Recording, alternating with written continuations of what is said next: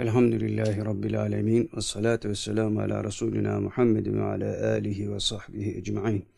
Euzu billahi semil alim mineşşeytanirracim. Rabbi şrah li sadri ve yessir li emri ve ahlul ukdeten min lisani yefkahu kavli. Ya hayy ya kayyum bi rahmetike ya mughisu egisu. Değerli arkadaşlar, bugün yine mutat olduğu üzere üç ders yapacağız. Birinci dersimiz her zaman olduğu gibi Kumandan Hazretlerinden bir bölüm okuyorduk. Bugün itibariyle okuyacağımız kitap daha önce de bazı nakiller yaptığımız Marifetname Süzgeç ve Şekil isimli kitap. Bu kitabın hemen kısaca ehemmiyetine dair arka kapaktan da bir şey okuyarak başlayayım isterseniz.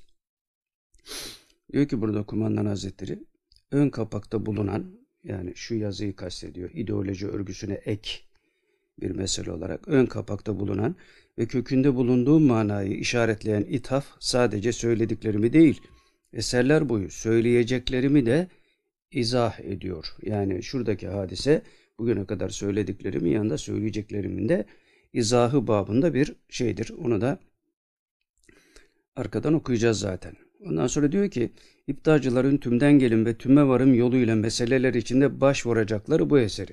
Yani parçadan bütüne, bütünden parçaya. demek istiyor. Yani Kur'an'dan meselelere, meselelerden Kur'an'a demek de aynı manaya gelir. Tüme varım, tümden gelin ve tüme varım yoluyla meseleler içinde başvuracakları bu eseri ortak hafıza olarak takdim ediyorum doğudan ve batından e, topladığı hikmetli meseleleri e, bölümler şeklinde tasnif etmiş bu kitapta. Dolayısıyla bir meseleye biraz aşina iseniz burada bir mesele size çok şey hatırlatabilir ve özü hatırlatır daha çok. Yani diyor sadece yazmak ve anlatmak değil, yazdırmak ve anlattırmak sevdasıyla dışa açılışın ip uçlarını vermek, görüp tanımaya misal olmak. Yani e, İslam'dan hareketle dışa açılmayı, dışı tasarruf altına almayı, dış alemi işte bu bizim inancımızın dışında olanlar olduğu gibi bütün mükevvenat da onun içine girer tabi. Dışa açılmanın ipuçlarını diyor bu kitapta veriyorum diyor. Ondan sonra görüp tanımaya da misal olmak bakımından mühim bir eser. Yani gördüğünüzde kendi hadiseniz üzerinden meseleyi hatırlarsınız ve ona göre de kendi dünya görüşünüze nispetle e, yorumlar yaparsınız. Burada ilk başta da gösterdiğim şey, tekrar göstereyim şurada üstadın rahmetullahi aleyh kendi el yazısıyla ideoloji örgüsüne ek diyor. E, bu tabi Akıncı güç kadrosuna ithaf olduğu için Akıncı güç kadrosunun e, reisi de Kumandan Hazretleri olduğu için burada direkt ideoloji örgüsü kitabına yapılan ek Salih Mirza Beyoğlu'na e, nispetle yapılmıştır. Ona ithafen yapılmıştır. Orada şöyle diyor Üstad kendi el yazısıyla İslam yenilenmez, anlayışı yenilemek gerek. Hani reformistlerin anlamadığı mesele de budur zaten. Ondan sonra devam ediyor. Anlayış mı? anlayış mı? Onu mu soruyorsunuz diyor. Nur'un aynadaki aksi. Anlayış, nurun aynadaki aksi aynayı yenilemek. Muhatap anlayış dediğimiz şey bu zaten. Ondan sonra hemen üçüncü satırda da şöyle diyor. Güneş yenilenmez, gözü yenilemek. Güneş İslam mesabesindedir, Kur'an ve sünnet mesabesindedir. Onun karşısında muhatap insan da göz mesabesindedir. Dolayısıyla gözü yenilemek lazım. Bu yenilemek ne üzerinden olur? Tabii ki fikir üzerinden olur. Fikir ne üzerinden olur? Tefekkür üzerinden olur. Tefekküründe bir ilmi altyapısı olması lazım. Lakin ilim insanın cehlini giderir, ahmaklığını gidermez. Bu hakikat üzerinden hadiseye baktığımızda çok farklı bir boyut devreye giriyor ki Mektubat-ı Rabbani'den bir bölüm de geçecek o inşallah ileride. Onunla bu meseleyi de takviye etmiş olacağız. Şimdi biz meselemize gelelim. Burada üç bölüm okuyacağız. Kısaca üç bölüm yani bir sayfayı aşmayan e, aşmamak suretiyle üç bölümden bahsediyoruz. Buna bir başlık koymuşuz. Nedir o? Çatırdayan dünyanın meselelerine çıtayı yükselterek bakmak. Çatırdayan dünyanın meselelerine. Dünya çatır diyor. Gerçekten çatır diyor. Artık bunu Sağır Sultan da duymuş vaziyette. Dolayısıyla şimdi biz buradaki alıntılarda aslında bir meselenin dedikodu boyutundan çıkarılarak biraz daha çıtayı yükselterek anlatılmasına dair bir şeyler söylemeye çalışacağız. O dedikodu meselesi de anlamışsınızdır. Bu son günlerde ortalık e, karman çorman oldu. Bir Hiranur Vakfı meselesi işte bir çocuğun evlendirilmesi falan filan hikayesi biliyorsunuz yani meseleyi. Şimdi bu hadiselere nasıl bakmamız gerekir? Buna dedikodu boyutuyla da kısmen gireceğiz ayrı bir olay ama burada dedikodu boyutuyla değil. Biraz hadiseler bizim tasarrufumuza girdiğinde ne yapılması gerekir veya girdiğinde ne yapılabilir veya yaptığımız şeyler yani tasarrufumuza aldığımız şeyler, yaptığımız şeyler bize neye sebep olacak, neyin önünü açacak bunu anlamaya dair bir takım meselelere temas edeceğiz kısaca inşallah. Birinci dersimizi de öyle de bitirmiş olacağız. Şimdi şöyle bir not almışız. Hangi ülkede olursa olsun menfi bir hadisenin iki şekilde tahlili vardır. Hangi hadise olursa olsun iki şekilde tahlil edilir. Bir, müşahhas, iki, mücerret. Müşahhas olarak herkes tahlil edebilir. Hani ağzı olan konuşuyor hesabı. Herkes bir şey söyleyebilir. İsabet eder etmez o ayrı bir olay. Ama müşahhas meselelerde derinlemesine bir tahlil yoktur. Dolayısıyla herkes bir şekilde konuşur. Bu müşahhas değerlendirmelerde şöyle bir şey var. Bir bakıma hırs ve dedikodu endekslidir bunlar. Yani müşahhas meseleler hırs ve dedikodu endeksidir. Onun için diyorum burada dedikodu boyutundan biraz uzaklaştırarak hadiseyi temaşa etmeye çalışacağız.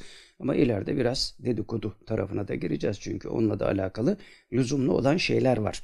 Sadece dedikodudan ibaret kalırsa zaten hiç konuşmaya değmez. Ama maalesef meseleler hep dedikodu boyutunda kalıyor. Hiçbir mesele de zaten dedikodu boyutunda halledilemediği için bir sonraki meseleye e, kırık dökük bir halle giriyorsunuz zaten. Halbuki mücerret olarak bir meseleyi tahlil etmiş olsanız istikametinize doğru doğru adımlar atmış olursunuz. Yani hedeflediğiniz istikamette doğru yürüyor sayılırsınız. Halbuki öyle olmuyor işte biliyorsunuz son e, Hiranur Vakfı meselesiyle alakalı hala da devam ediyor yani. Her şey havada uçuyor. Kimin ne dediği de belli değil. Hiç bir tarafta mevzuyu halledemiyor zaten. Bu arada art niyetler kazanmış oluyor bunu da belirtmemiz lazım. Evet, birincisi yani iki şekilde tahlil vardır hadiselerin. Birisi müşahhas. Bu bir bakıma hırs ve dedikodu endeksidir dedik. İkincisi de mücerret e, manada el atmak. Bu da sistem eleştirisine yöneliktir. Şimdi biz burada hadisenin sistem eleştirisine dair tarafına bakacağız. Yani böyle bir hadise oldu. Yaptı mı yapmadı mı oldu mu olmadı mı falan filan. Kimse gözüyle bir şey görmedi. Herkes ortada bir takım deliller var. Birbirlerini onunla sıkıştırmaya çalışıyorlar. Tabi art niyetli olduktan sonra e, kabul de edersin, kabul de etmezsin. İkisi de doğru bir şey değil. Şimdi biz burada ne yapmamız lazım? Bu tür hadiselere nasıl bakmamız lazım? Onun yorumuyla meseleyi açmaya çalışacağız. Şimdi bir meseleyi bu zaviyeden değerlendirmeye dair Marifetname sayfa 282'den bir bölüm. Bölümlerden ilkini okuyoruz. Yukarıdan aşağı değil de aşağıdan yukarı gideceğiz. Yani 282. sayfada önce 166. bölüm, sonra 165, sonra 164. Kısaca bunlar zaten 6-7 satırlık şeyler kendi içinde. Bunu anlatarak mevzumuzu tahlil etmeye bakacağız ki her meseleye dair aslında böyle olması lazım ki dedikodu boyutundan hadiseyi çıkarmış olup önümüzü açacak mesele olarak gündeme getirmiş olabilelim. Şimdi diyor ki 166. maddede dedi ki insana öyle geliyor ki söz ve yazı hürriyetinin bulunmadığı ülkelerde bile Şimdi bu cümleyi biraz açalım. İnsana öyle geliyor ki söz ve yazı hürriyetinin bulunmadığı ülkelerde. Bu ülkeler hangileri? Hepsi olabilir. Mesela ilk başta aklımıza neresi geliyor? Çin. İşte Güney Kore falan. Hayır öyle değil. Amerika'da öyle. Avrupa'da öyle. Bütün ülkeler öyle. Demokrasiyle idare edilen bütün ülkelerde de bundan pay söz konusudur. Dolayısıyla insana öyle geliyor ki söz ve yazı hürriyetinin bulunmadığı ülkelerde bile halkın sessiz memnunluğu veya kırgınlığı veya kızgınlığı yine de sonunda hadiselerin hangi yönde gelişeceklerini tayin eder. Yani halk böyle ülkelerde eğer susturulmuşsa, susturulmaya meyilli bir takım engeller önlerine konulmuşsa bunlar bunların bir kısmı işlerine geldiği için memnun olurlar ayrı bir olay ama bir kısmı kızgın olur veya kırgın olur. Dolayısıyla sonunda bir hadise çıkar. Ve bu kızgınlık, bu kırgınlık hadiselerin hangi yönde gelişeceklerini tayin eder. Şimdi şu an itibariyle Hiranur Vakfı hadisesini değerlendirdiğimizde aklımıza ne gelir? Bizim aklımıza ilk geleni söyleyelim. Mücerret manada değerlendirdiğimizde şu geliyor. Bir büyük hadisenin ayak seslerinin altyapısı hazırlanıyor. Herkes buna hazır olsun. Yani Müslümanlar bundan zarar gördü falan filan sakın kimse öyle bir şey düşünmesin. Bambaşka hadiselere gebe bir takım durumlar var. O durumların ayak seslerinin gelmesi gerekiyordu. Bu hadiselerde onlara dair.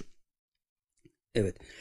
Çünkü sistem bazında hadiseyi değerlendirdiğinde bunları görebilirsin. Yoksa dedikodu babında onlar da yaparsa karşıyız, bunlar da yaparsa karşıyız. Kardeşim sen kendine karşısın. Çarşı her şeye karşı hesabı. Böyle bir şey olmaz. Yani biraz çıtayı yükselterek hadiseleri değerlendirmemiz lazım.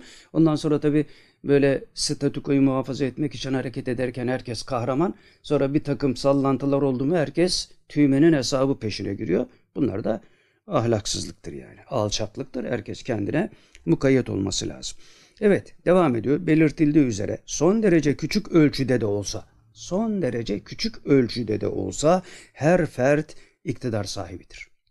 Yani bende küçücük bir iktidar var ama sende de var, onda da var, onda da var, onda da var. Bunun yekünü büyük bir iktidardır. Dolayısıyla o kırgınlık ve kızgınlık bir gün gelir, muhatabı boğar. Devam ediyor. Büyük sayıda insan bu güçlerini bir ülkenin müesseselere dayanan iktidar cihazına karşı kullandıkları zaman hükümetten bahsetmiyor bak. Hükümetler gelip geçicidir. Onlardan bahsetmiyor. Bu büyük e, şey, büyük sayıda insan bu güçlerini bir ülkenin müesseselere dayanan iktidar cihazına karşı kullandıkları zaman bugün İran'da bu oluyor. Bu tür bir vakanın sebep olduğu kolayca söylenemese de liderleri sonunda iktidarı kaybederler. Eğer bu potansiyel devreye girerse bu tür bir vakanın sebep olduğu kolayca söylenemese de yani bunlar kolay olacak işler değil ama çoğu zaman da liderleri sonunda o ülkenin liderleri iktidarlarını kaybederler. Yani bu diyorum şimdi demokrasi olduğu için insanların aklına hep parti pırtı meselesi geliyor. Şu anda da kavga zaten parti pırtı üzerinden gidiyor. Biz ondan bahsetmiyoruz. Sistem çöker. İşte İran'da bu oluyor. Yakın bir zamanda Çin'de olacak. Yani e, yine Çin'le alakalı bir müsaade edilen bir bölüm vardı. Gene onu şey yapamadık, hazırlayamadık, unuttuk. Hepsi bu badireyi yaşayacaklar göreceksiniz. Dolayısıyla de Türkiye'de Hiranur Vakfı'nda şu olmuş, İstek Vakfı'nda bu olmuş, bilmem ne olmuş falan filan. Eğer yani böyle çok meraklıysa bu insanlar böyle şeylerin peşine düşmeye Vatikan'ın peşine düşsün. Onlar küçük çocuklara tecavüz ettikten sonra bir de öldürüp gömdüler. Kemikleri de görüldü. Ondan sonra da Papa bir özürle işi halletti. Devam ediyor. E dön bir baksana ona. Yani içimizdeki Yunanlılar bir şey yapmak istiyorsanız orada bir şeylere bakmanız lazım. O zaman gelip bize konuşabilirsiniz belki. E, evet şimdi sistem bazında hadiselere baktığımızda demek ki biz görüyoruz ki kendi lehimize fevkalade hadiseler olurken Müslümanlar çıtayı yükseltemedikleri için, hadiseyi dedikodu bazında değerlendirdikleri için bir felaketle karşı karşıya olduklarını zannediyorlar. Felaket melaket yok. İşimize bakıyoruz. Herkes de işine baksın. Allah'ın izniyle keremiyle 2023 ve 2025 hadiseleri rakam olarak verilmişti. 2023'e girmeden önce 2023'ün ve sonrasının hadiseleriyle alakalı ayak seslerini elhamdülillah duymaya başladık. Ama görüntüde sanki şey gibi, aleyhimize gibi. Öyle bir şey yok. Bekleyip göreceğiz inşallah. Evet devam ediyoruz. 166. bölümü okuduk. Şimdi 165. bölüme dair. Bu problemin yani bu tür problemlerin çözüm şablonuna dair teşkilat ve fikir meselesine de bir bakmamız lazım. En küçük topluluktan en büyük topluluğa kadar teşkilattan bahsediyoruz. Yani bir dernekten devlet teşekkürüne kadar. Bunlara baktığımızda ne ile karşılaşıyoruz, neye muhtaç olduğumuzu görüyoruz burada.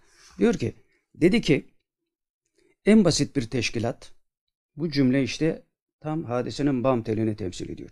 En basit bir teşkilat fikirlerin oluşturduğu bir teşkilata ihtiyaç duyar. Yani ortada bir teşkilat var. O teşkilatı kurmadan önce fikirler teşkilatı kurulması lazım ki o fikirler teşkilatının kurduğu teşkilat fikir üzerinden, doğru düşünce üzerinden kendine istikamet versin. Şimdi fikir mikir önemli değil. Biz bir teşkilat kuralım, bir devlet kuralım falan filan. E kurdun ne olacak? İşte bunun üst düzeyde misalini verirken Pakistan'da Ziyaulak misalini veriyorduk. Adam devleti ele geçirmiş, ihtilal yapmış. Para onda. Adam onda, silah onda. Her şey onda, iktidar onda. Ama 600 tane alimi bir araya getiriyor. Kurun İslam devletini kuramıyorlar. Niye? Çünkü teşkilattan önce fikir teşkilatı yoksa siz ilimle hadiseyi parçalarsanız bir daha toparlayamazsınız. İslam'da iktisat, İslam'da içtimaiyat, İslam'da felsefe işte falan filan. Sonra puzzle'ları bir araya getireceğiniz andan itibaren şaşa kalırsınız. Niye? Çünkü fikirde teşkilatınızı kurmadınız ki. Doğru düşünce olmadan doğru düşünce faaliyeti olmaz. Onun için bunu anlatan manada hep Muhittin Arabi Hazretlerinden o misali veriyoruz. Yani her zaman da söylüyorum. Bin kez versek yine e, az gelir yani. Ne diyordu? Kur'an ve sünnetten doğru bir düşünce çıkardı ulema. Fakat onu tatbik ederken beceremediler. Yani teşkilatı kurmak için teşkilattan önceki fikir teşkilatından mahrumdular demektir bu. Buradaki ifadeye göre. Dolayısıyla filozoflara rezil oldular. Filozoflar onlara güldü diyor. Muhittin Arabi Hazretleri. Sonra İmam Gazali geldi. O da diyor Kur'an ve sünnetten çıkardı. Onların çıkardığı şeylerin aynısını çıkardı. Fakat eşya ve hadiselere tatbik ederken İmam Gazali Hazretleri'nin bir fikir teşkilatı vardı. Fikir teşkilatı ile bir teşkilat kurdu. Dolayısıyla filozoflar perişan oldular. Öbürler de aynı şeyi yapmışlardı. İşte doğrunun yanlışta kullanılması dediğimiz hadise bu. Şimdi de Hiranur Vakfı'ymış, şuymuş, buymuş, hangi mesele olursa olsun en küçüğünden en büyüğüne. Eğer siz sistem bazında bir fikir teşkilatıyla hareket etmiyorsanız sizin teşkilatınız beş para etmez. Onun için fikir bazında teşkilatı olan kişi teşkilat kurduğunda üç kişi bir araya geldi mi bu cemiyet demektir. Fakat böyle bir şeyden düşünceden mahrum olan bir milyon insan bir araya geldi mi o da sürü demektir. Şu anda dünyada Müslümanların sayısı çok fazla. Çok fazla. E niçin bu kadar zeliller?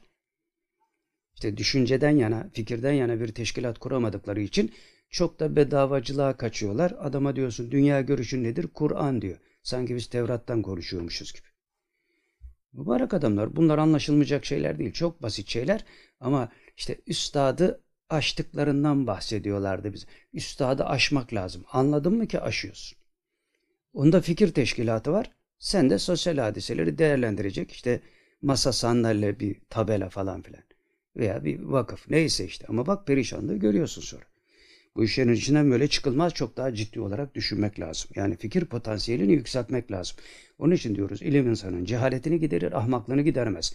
Söyleyen de zahirde ve batında büyük alim Es-Seyyid Abdülhakim Arvasi Hazretleri. Niye söylemiş bunu? Ve Efendi Hazretleri'nin sözünü naklediyoruz. Ne diyoruz? Efendi Hazretleri kitaplarında yazı. İlim sahibi oluyorsunuz, şuur sahibi olamıyorsunuz. Ne demek bu? E diyorum yani bunun üzerine 10 tane 10 cilt kitap yazılır. Sadece bunun üzerine 10 cilt kitap yazılır. E dönüp kimse bakmıyor. Ben ibarenin kralıyım diyor adam. Hayda. Herkes de diyor ki onun ilmi çok. Öbürünün ilmi çok. O büyük hoca, o büyük profesör falan filan. Ya mesele burada düğümleniyor kardeşim. Fikir teşkilatını kurabildin mi? Yok. Bir dünya görüşün var mı? Yok.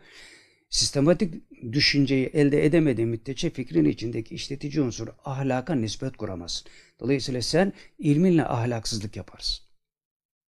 Problem buralarda. Onun için e, şeymiş, Hira Nur'muş, bilmem neymiş falan filan. İstek Vakfı'ymış, şuymuş. Boş işler bunlar yani. Hı. Evet burada bir daha okuyalım. En basit bir teşkilat fikirlerin oluşturduğu bir teşkilata ihtiyaç duyar. Ve bu fikirler hiyerarşinin bütün kat, e, katlarında herkese sa, e, sadakatin nasıl belirtileceğini gösterir diyor. Göstermelidir, gösterir. Yani bu fikirler, bu fikir teşkilatı ne yaparmış? Hiyerarşinin bütün katlarında, her kademede çocuktan yaşlıya kadar veya en basit bir dernekten devletin en üst kademelerine kadar bu fikirler hiyerarşinin bütün katlarında herkese sadakatın nasıl belirleyeceğini öğretir.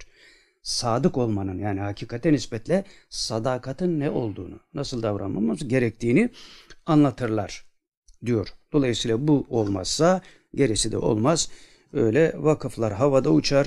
Yok çocuk gelinlerdi, yok bilmem nelerdi dedikoduyla el yordamıyla hadiseleri yürütmeye bakarız ki yürümüyor zaten. Evet geldik şimdi üçüncü bölüme. Bunları bir bakıma tasdik eden bir bölüm.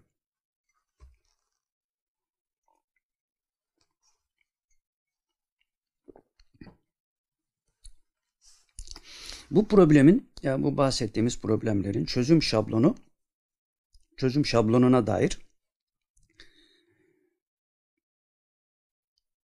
ha yok orayı şey yaptık. E, bunlara dair bir ölçü şimdi verilmiş burada. Yani bu anlattıklarımıza dair bir ölçü. Dedi ki 164. bölümü okuyorum. Dedi ki Fransız miralaylarından yani subaylarından biri 1880'de neşredilen eserinde derin tarihi incelemelere dayanarak derin tarihi incelemeler yapmış bu adam. Bunlara dayanarak büyük kumandanların kalplerinde yüce duygularla beraber aşağı insanlara mahsus merhametsizlik, güvensizlik, kıskançlık, tahakküm, hırs, nefs sevgisi, istikbal kaygısı gibi kötü ahlakada yer bulunduğunu ispat etmiştir.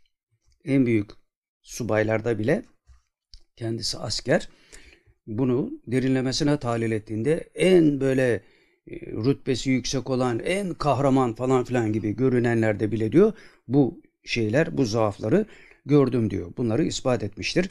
Binaenaleyh Hazar'da onları yükseltirken yani Hazar'da ve Sefer'de diyoruz ya henüz yola girmeden Sefer yola girdikleri e, dönem olarak kabul edersek henüz yetiştirdik, yetiştikleri dönemde Hazar'da diye tabir edilmiş burada. Hazar'da onları yüks yükseltirken yani onlara ilmi, irfanı empoze ederken kendilerini manevi bir murakabe altında tutmak ve askerlik ilmi kadar bu noktalardan da muayeneye tabi tutmak lazımdır. Yani o tedrici olarak kademelerde insanlara bir şey verirken nasıl verilmesi gerektiğine dair bir şey söylüyor burada. Yani o manevi hava eğer ona sirayet ettirilemezse ne kadar büyük komutan olursa olsun bir takım ahlaksızlıklara meyillidir. Çünkü nefsi vardır.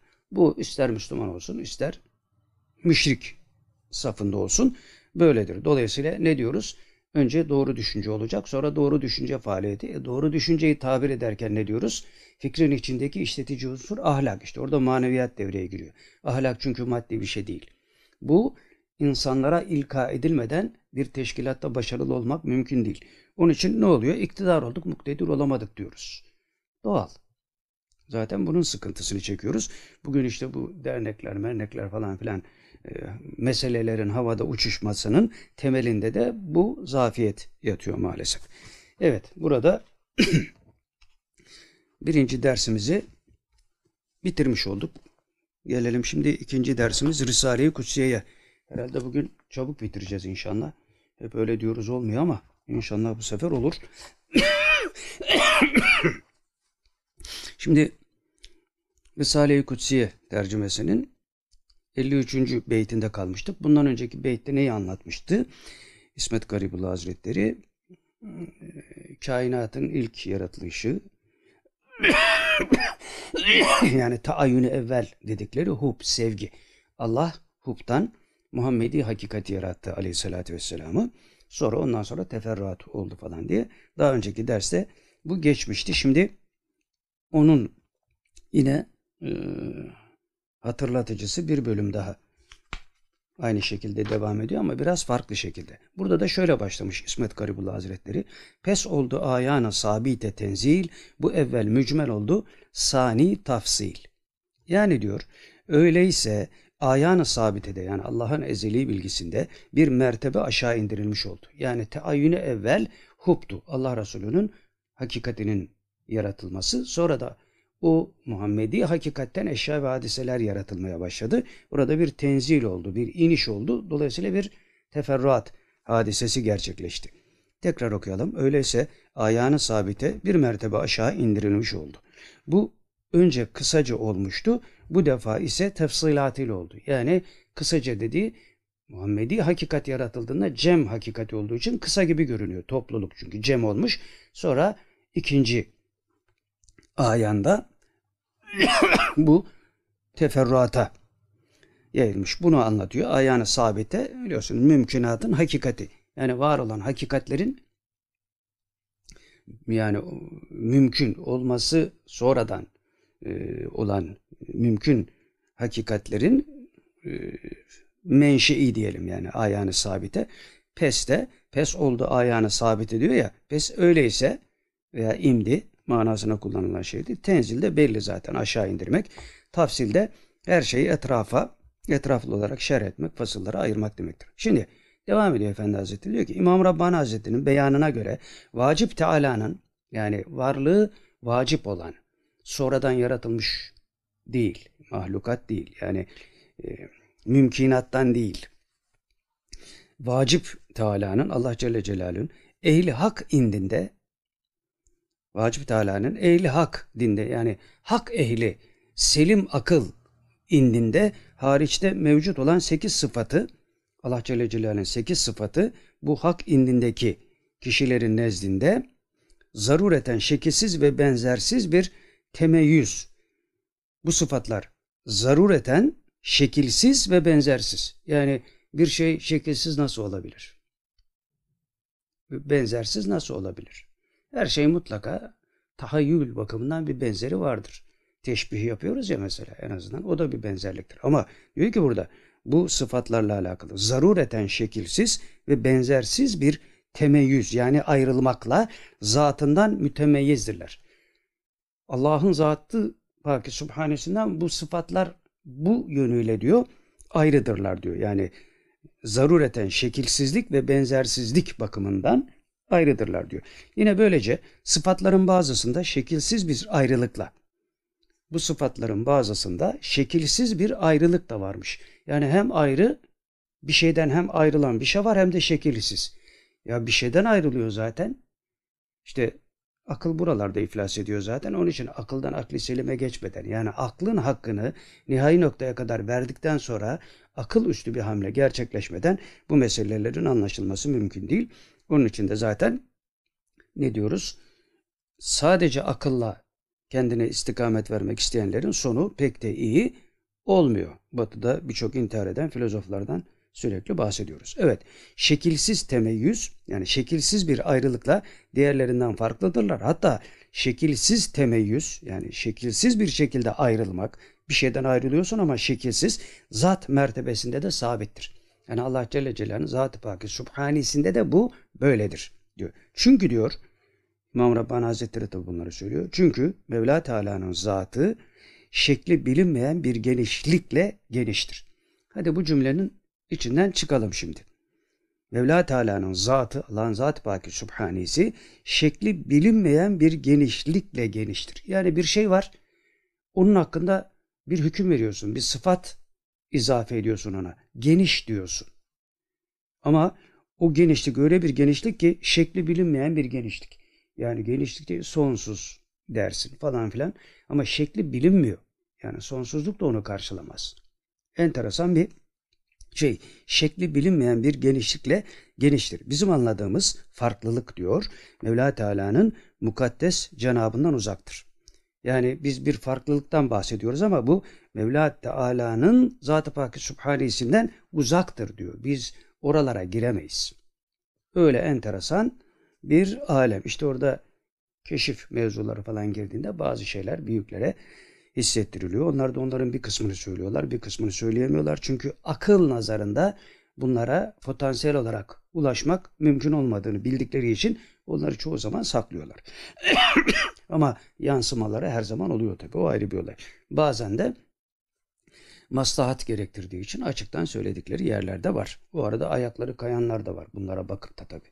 Bunun için Muhittin Arabi Hazretleri'ni çok okumayın derler veya hakkını veremeyenler okumasın derler. Çünkü anlamazsınız. Yani o akıl üstü bir hamleyle, e, keşifle, kerametle bir takım şeyleri bulmuş. Dolayısıyla aklı iptal ettikten sonra akli selimle bir şeyler koymuş ortaya. E biz akılla o mevzuya el atacağımıza göre orada yanılma ve ayağımızın kayma ihtimali büyüktür. Bu yüzden ıı, çok o işlere kafayı takmayın diyor.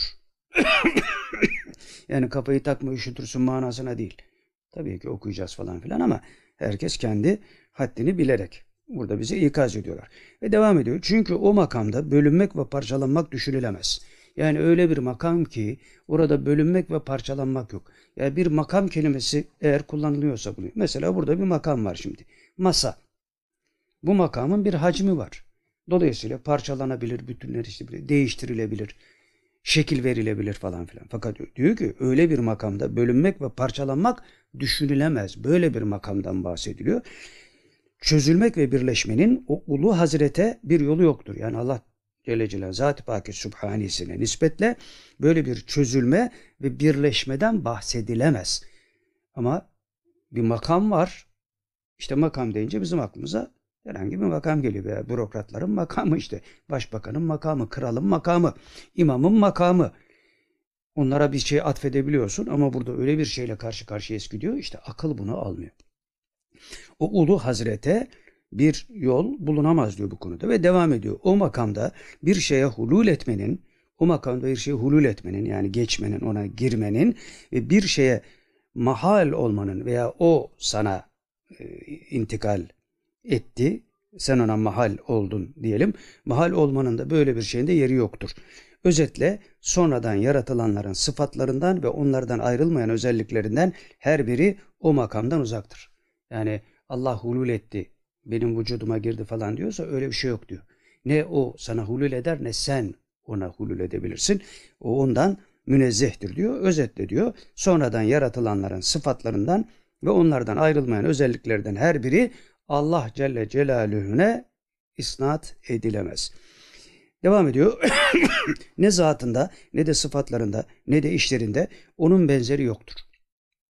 Yapıp ettiklerinin benzeri yoktur. Biz de o benzersiz yaratılmışlardan biriyiz ve Allah Celle Celaluhu'nun ifadesiyle ahseni takvim üzere yaratıldık. En güzel surette yaratıldık. Çünkü tek şuurlu varlık olarak biz varız. Evet, şuur bile başlı başına insanın ahseni takvim olmasını temsile yeter yani. Hani iki ayağının üzerinde duruyor, konuşuyor falan filan. Onları da bak bir yani şuurlu düşünen varlık. Tefekkür edip Rabbini bulacak. Zaten Mevla bizi bu dünya onun için gönderdi. Sizi imtihan için gönderdim. Ha, kabadayılık mı yapacaksınız? E, gelirken sana sormuyorum. Seni dünyaya gönderiyorum. Alırken de sormuyorum. Öyle bir kabadayılık da yapamazsın. Ama yapıyorlar tabii. Bu kabadayılığı kim yapıyor? Nefs yapıyor. Şeytanın ilkasıyla nefs yapıyor. İşte ilk bu kabadayılığı yapan şeytandı. Şeytan oldu. Bilgisi de çoktu. Ama eksik bir şey vardı orada. Şimdi oraya geliyoruz. O eksiğin ne olduğunu. O eksik müşriklerde de var. İmam Rabbani Hazretleri çok enteresan bir şekilde anlatmış. Şimdi oraya yaklaştık. Evet ne zatında ne sıfatlarında ne de işlerinde onun benzeri yoktur. Bu benzersiz farklılığın ve şekilsizlik şekilsiz genişliğin şekil hem geniş hem şekilsiz ya ne kadar geniş olursa olsun bir yerde bir şekil ifade edeceksin. Genişlikten bahsediyorsun. Genişliğin karşılığında darlık var. Darlığı da biliyoruz, genişliği de biliyoruz. Bunlar birer sıfat. Ama burada o şekilsizliğin diyor, genişliğin şeyi yok diyor. Bu benzersiz farklılığın ve şekil yani öyle bir farklılık ki ifade etmek mümkün değil. Öyle bir şekilsizlik ki, öyle bir genişlik ki bunları tasvir etmek mümkün değil. Bunların varlığı ile birlikte Mevla Teala'nın ilminde isimleri ve sıfatları için bir nevi ayrım ve farklılık meydana gelmiştir. Şimdi bunlar niye anlaşılmıyor? Buna dair bir misal verelim. Hani belir, e, benzersiz farklılık, şekilsiz genişlik diyor İmam Rabbani Hazretleri. Benzersiz farklılık, şekilsiz genişlik. Ne demek bu? Bunu anlamak ve tasdik etmek lazım. Anlamak ve tasdik etmek lazım. İşte bu neyle olur? Bunu İmam Rabbani Hazretleri 503. mektubunda çok enteresan bir şekilde izah ediyor. Buyuruyor ki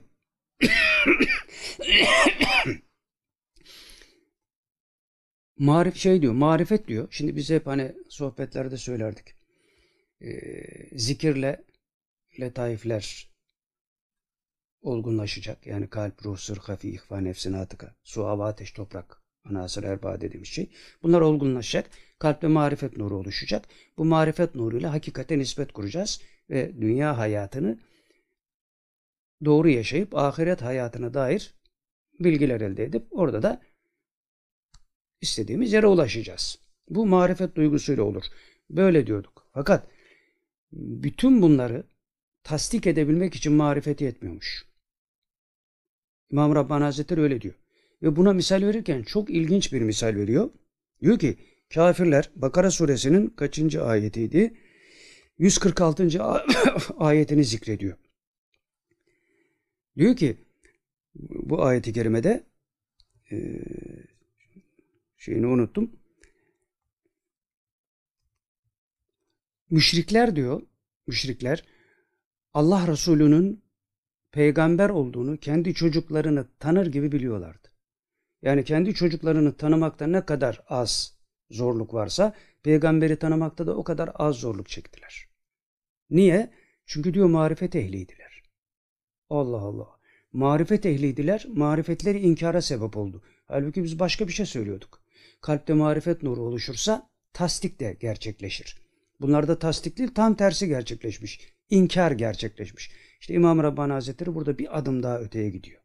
İnsanı şok edecek bir adım. Diyor ki marifet tasdiki gerektirmez. Marifete izan lazım. Marifete izan lazım. Anlayış. Demek ki marifet müşriklerde de var. Onun için hani batılı filozoflar falan müthiş hakikatleri temsil babında akımlar ortaya koyuyorlar. Müthiş eserler koyuyorlar ortaya. Bunları demek ki marifetleriyle yapıyorlar ama tasdike sıra geldiklerinde tasdik edemiyorlar.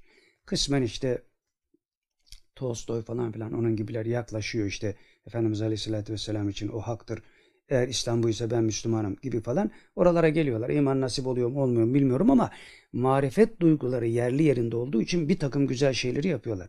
İşte o güzel şeyler de Efendimiz Aleyhisselatü Vesselam tarafından bize bildiriliyor. Ne diyor? Müminin yitik malıdır. Onu ondan alacaksın. Çünkü o marifet sahibidir ama izan sahibidir. Onun hakkı değil, senin hakkın. E biz ne yapıyoruz? Hiranur, Miranur falan filan e, havada uçuşuyor her şey. Yani meseleler böyle mi konuşulur? İşte bu derinlikten hadiseye bakabilsek, yani bakamıyoruz tabii. Bakabilsek birçok işi daha kolay toparlayacağız ve İslam aleminin ahvali perişanına da bir çare bulmuş olacağız. Ama maalesef bulamıyoruz. Evet devam ediyor. Mevla Teala'nın ilmindeki bu ayrılık Mevla Teala'nın ilmindeki bu ayrılık evvela icmalen yani toplu olarak vuku bulmuş. Bu teayyünü evvelde gerçekleşmiş. Yani Muhammedi hakikat aleyhissalatü vesselam yaratıldığında yani sevgiden, huptan Allah Resulü'nün hakikati yaratıldı ya ilk başta. Orada icmalen bu gerçekleşmiş. Yani ilmindeki Allah Teala'nın ilmindeki bu ayrılık ayrılık ama değil gibi bahsettiğimiz şeyler. Genişlik ama şekli yok falan diyoruz ya. Böyle olmuş. böyle vuku bulmuş. Yani icmalen toplu bir şekilde vuku bulmuş. Teayyünü evvel bulmuş olup teayyünü evvel yani ilk zuhur Muhammedi hakikatin aleyhissalatü vesselamın zuhuru vahdet ve hakikati Muhammedi isimlerini almıştır. Bunlara bu isimler verilebiliyor. Yani teayyülü evvel denilebilir. Yani ilk zuhur, ilk açığa çıkış, vahdet denilebilir ve hakikati Muhammediye de denilebilir. Bunlara bu isimler veriliyor diyor. Evvelki beyitlerde açıklandığı üzere Mevla Teala'dan ilk zuhur eden sevgi olmuştur. Yani daha önceki beyitlerde bahsettiğimiz meselelere atıfta bulunuyor Efendi Hazretleri. Sevgi olmuştur ki bu hub yani bu sevgi, bu muhabbet Resulullah sallallahu aleyhi ve sellemin hakikati idi. Sonra Mevla Teala'nın ilminde isim ve sıfatları, şan ve itibarları tafsilen sonra Mevla Teala'nın ilminde, Allah'ın ilminde isim ve sıfatları, şan ve itibarları tafsilen yani ayrıntılı bir şekilde birbirinden ayrılıp seçilmişlerdir ki bu Resulullah sallallahu aleyhi ve sellemin hakikatinden alınarak yaratılacak olan diğer bütün varlıkların hakikatleridir. Yani Muhammedi hakikat yaratıldıktan sonra ondan teferruata dair kainat yaratılmıştır. evet Resulullah sallallahu aleyhi ve sellemin hakikatinden alınarak yani huptan alınarak yaratılacak olan diğer bütün yani biz ve bütün kainat o hubbun teferruatı diyelim yaratıldı. Buna diyor teayyuni sani yani ikinci beliriş. Birinci beliriş hubtu. Allah Resulü'nün hakikati, hakikati ferdiye dediğimiz şey bu. Bu o taayyuni evvelde buna da yani ikinci yaratılışa, kainatın insanların yaratılışına da Allah Resulü'nün nurundan tabi. Buna da taayyuni sani diyoruz. İkinci beliriş. Birinde cem var, ikincide fark var. Fark var. Yani teferruat var. Evet buna taayyuni sani başka ne deniyor? Vahidiyet ve ayan-ı sabite de denir. Bunlara farklı farklı isimler verilebilir diyor. Mevla Teala'nın ilminde birbirinden ayrılan isim ve sıfatları her birinin adem yani yokluk mertebesinde mukabili ve nakızı yani karşıtı ve zıttı olan şeylere aksetmişlerdir. Burayı bir daha okuyalım. Buna ne diyor onu? Teayyün-i sani, vahidiyet ve ayan-ı sabite de denir. Ve devam ediyor. Mevla Teala'nın ilminde, Allah Celle Celal'in ilminde birbirinden ayrılan isim ve sıfatların her birinin, birbirinden ayrılan isim ve sıfatların her birinin adem mertebesinde yani yokluk mertebesinde mukabili ve nakızı olan şeyleri aksetmiştir. Yani Allah Celle Celal'in isim ve sıfatları ademi temsil eden yokluğa bir ışık yöneltmiş. Dolayısıyla mevcudat meydana gelmiş. Zıtlar arası muvazene dediğimiz şey bu. Hem var hem yok. Gölge varlık olarak varız. O gölge varlık olarak varlığımızı da bu isimlerden ve sıfatlardan bize intikal eden nura bağlıyoruz. O olmasaydı bu gölgeler olmayacaktı. Peki gölgenin aslına karşı bir istiklali var mı? Yok.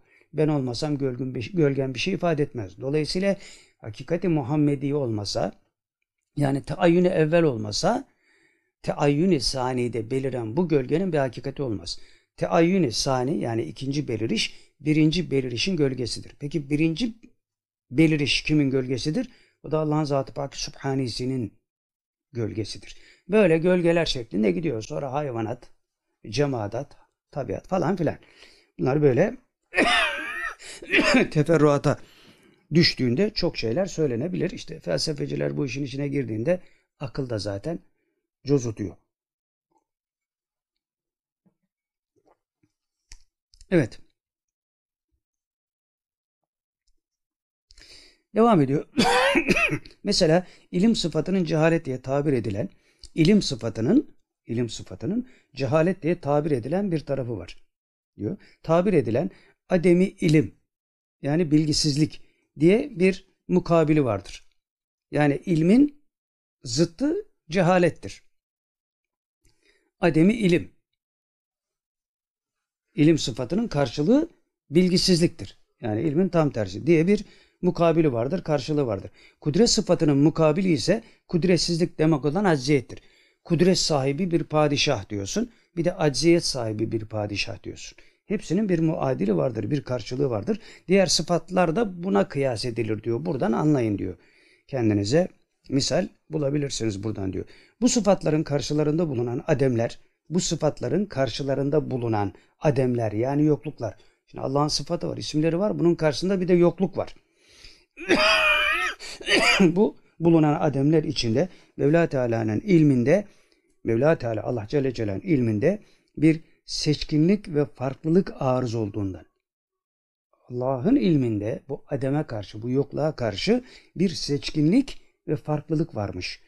Bir seçkinlik ve farklılık arız olduğunda, meydana geldiğinde bu ademler karşılarında bulunan esma ve sıfatın aynaları ve onların akislerinin parlaması için tecelli yeri oldular. Yani bu adem dediğimiz yokluk bu esma ve sıfat aynalarıyla varlıklarını hissettiler. Sonradan yaratılmış olmalarına rağmen gölge varlık olarak gölgeliklerini idrak ettiler. Ama aynaya bakarak. Şimdi aynaya baktığımızda aynadaki biz miyiz? Yani aynadaki görüntüne bakıp o benim diyebilir misin? E sen etten kemiktensin o hayal. O gölge senin gölgen işte burada da böyle bir şey var. İsim ve sıfatlar üzerinden yokluğa bir şey takdim ediliyor fakat o yokluk gölgedir. Dolayısıyla aslına tabidir. gölgenin aslına karşı hiçbir istiklali yoktur. Dolayısıyla insanın da Allah'ın isim ve sıfatlarına karşı hiçbir istiklali yoktur. İsim ve sıfatlar bize aynı olduğu için orada biz gölge varlık olduğumuzu hissediyoruz aynada. İşte bu fakire göre diyor İmam Rabbani Hazretleri. İşte bu fakire göre bu ademler yani bu yokluklar kendilerinde parlayan esma ve sıfatın akisleriyle birlikte hakaiki mümkinat yani varlıkların asıllarıdırlar. Bu isim ve sıfatların akisleri sebebiyle şey olmuşlardır. Hakaiki mümkinat. Yani mümkün hakikat. Yaratılması mümkün olan hakikatler böyle yaratılmıştır diyor. Hülasa bu ademler yani bu yokluklar parantez içinde demiş ki karşıtlıklarından özel isim alarak seçilmiş olan yokluklar. Karşıtı neydi? İsim ve sıfatlar. Oradan özel isim alarak, ışık alarak seçilmiş olan bu yokluklar eşyanın asılları ve maddeleridirler.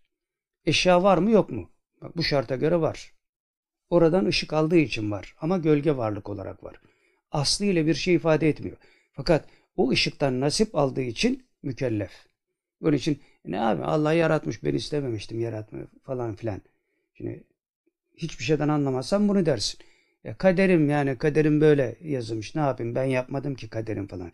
Öyle değil işte. O isim ve sıfatlar sana intikal ederken irade-i cüz'iye denen bir şey intikal etmiş. Bu ışık vesilesiyle irade denen bir şey, şuur denen bir şey. Onunla imtihan ediliyorsun zaten. Sen onu yok sayarsan hayvandan farkın yok. Çünkü hayvanın öyle bir şeyi yok, şuuru yok. Bedel demek gibi bir derdi yok. Senin var. Bu hayatta da bunun zaten karşılıklarını görüyorsun. İşte ilim arttıkça, e, irfana dönüştükçe daha doğrusu, izana dönüştükçe İmam Rabbani Hazretleri'nin ifadesiyle bu hakikatler devreye giriyorlar yavaş yavaş. Ondan sonra halle alakalı mevzular. Yani ilimden çıkıp hale geçiyorsun. Hal sende oturmuş bir şey olunca ilmin hakikatini görüyorsun. İlmin hakikatini gördüğün kadar isimler ve sıfatlarda tecrübeli olmaya başlıyorsun. Biraz daha ileri geçersen ilimde, irfanda, keşifte, şunda bunda bu sefer Zat-ı Pâke Sübhani'den feyz almaya başlıyorsun. Yani Allah Celle Celaluhu'nun isimlerinden ve sıfatlarından değil, Zat-ı Pâke Sübhanesinden feyz gelmeye başlıyor. O zaman işte her şey yerli yerine oturuyor. Yani şüphe izale olmuş oluyor, giderilmiş oluyor. Evet, işte bu fakire göre eşyanın asılları yani İmam Rabbani Hazretleri'ne göre eşyanın asılları Mevla Teala'nın ilminde adem aynalarına parlayıp onlarla karışan esma sıfatın akisleriyle birlikte esma sıfatın zıtları olan ademlerdir. Yani yine burada yukarıdaki şeyi söylüyor zaten. Esma ve sıfatın yansımasıyla parlayıp onlara ışık vermesiyle bu şeyler meydana geliyor diyor. Esma ve sıfatın zıtları meydana geliyor. İşte bunlar da ademdir. Sonradan yaratılmış olan gölgelerdir. Devam ediyor. İstediğini yapmaya kadir olan Mevla Teala bu birbirlerine karışmış hakikatlerden herhangi bir mahiyeti yani istediğini yapmaya kadir olan kudret sahibi Allah'tır diyoruz ya. Bunları yapmaya kadir olan Mevla Teala bu birbirine karışmış hakikatlerden yani sıfatlarla sonradan yaratılmış olanın terkibinden bahsediyor. Hakikatlerden herhangi bir mahiyeti, bunlardan herhangi bir şeyi Hazreti vücudun gölgelerinden bir gölge olan yani Allah Celle Celaluhu'nun vücudundan vücudunun gölgelerinden bir gölge olan vücudu zilli ile yani gölge varlık ile vasıflayarak onu hariç kılmak isteyince yani gölge varlık olarak onu yaratmak isteyince Allah Celle Celaluhu diyor. isteyince Hazreti vücudun yani Allah Celle Celaluhu'nun vücudunun gölgelerinden bir gölge ona vererek onu hariçteki eserlere mepte yapar. Yani kendisinden intikal ettirdiği bu şeyle e, vücudun gölgelerinden yani kendi vücudunun gölgesinden bir gölgeyi ona vererek onu hariçteki eser haline getirilir. Veya eserlere mepte başlangıç yapar. Varlık aleminde meydana gelecek işlere başlangıç bir yapar. İşte bu başlangıç e, şeyle taayyünü evvelle başladı. Oradan bir gölge nüfuz etti. Sonra o gölgenin gölgesi nüfuz etti. E, varlıklar öyle yaratılmış oldu. Devam ediyor. O halde sonradan yaratılanların diğer sıfatları gibi ilimdeki ve hariçteki varlıkları da Mevla Teala'nın varlık sıfatının gölgelerinden bir zıl ve ona bağlı olan kemalattan biridir. Yani bir daha şey yapalım. O halde sonradan yaratılanların yani gölge varlıkların diğer sıfatları gibi ilimdeki ve hariçteki varlıkları da ilimdeki ve hariçteki varlıkları da Mevla Teala'nın varlık sıfatının gölgelerinden. Mevla Teala'nın varlık sıfatın gölgelerinden bir zıldır, bir gölgedir ve ona bağlı olan kemalattan biridir. Yani aslıyla muteber değildir.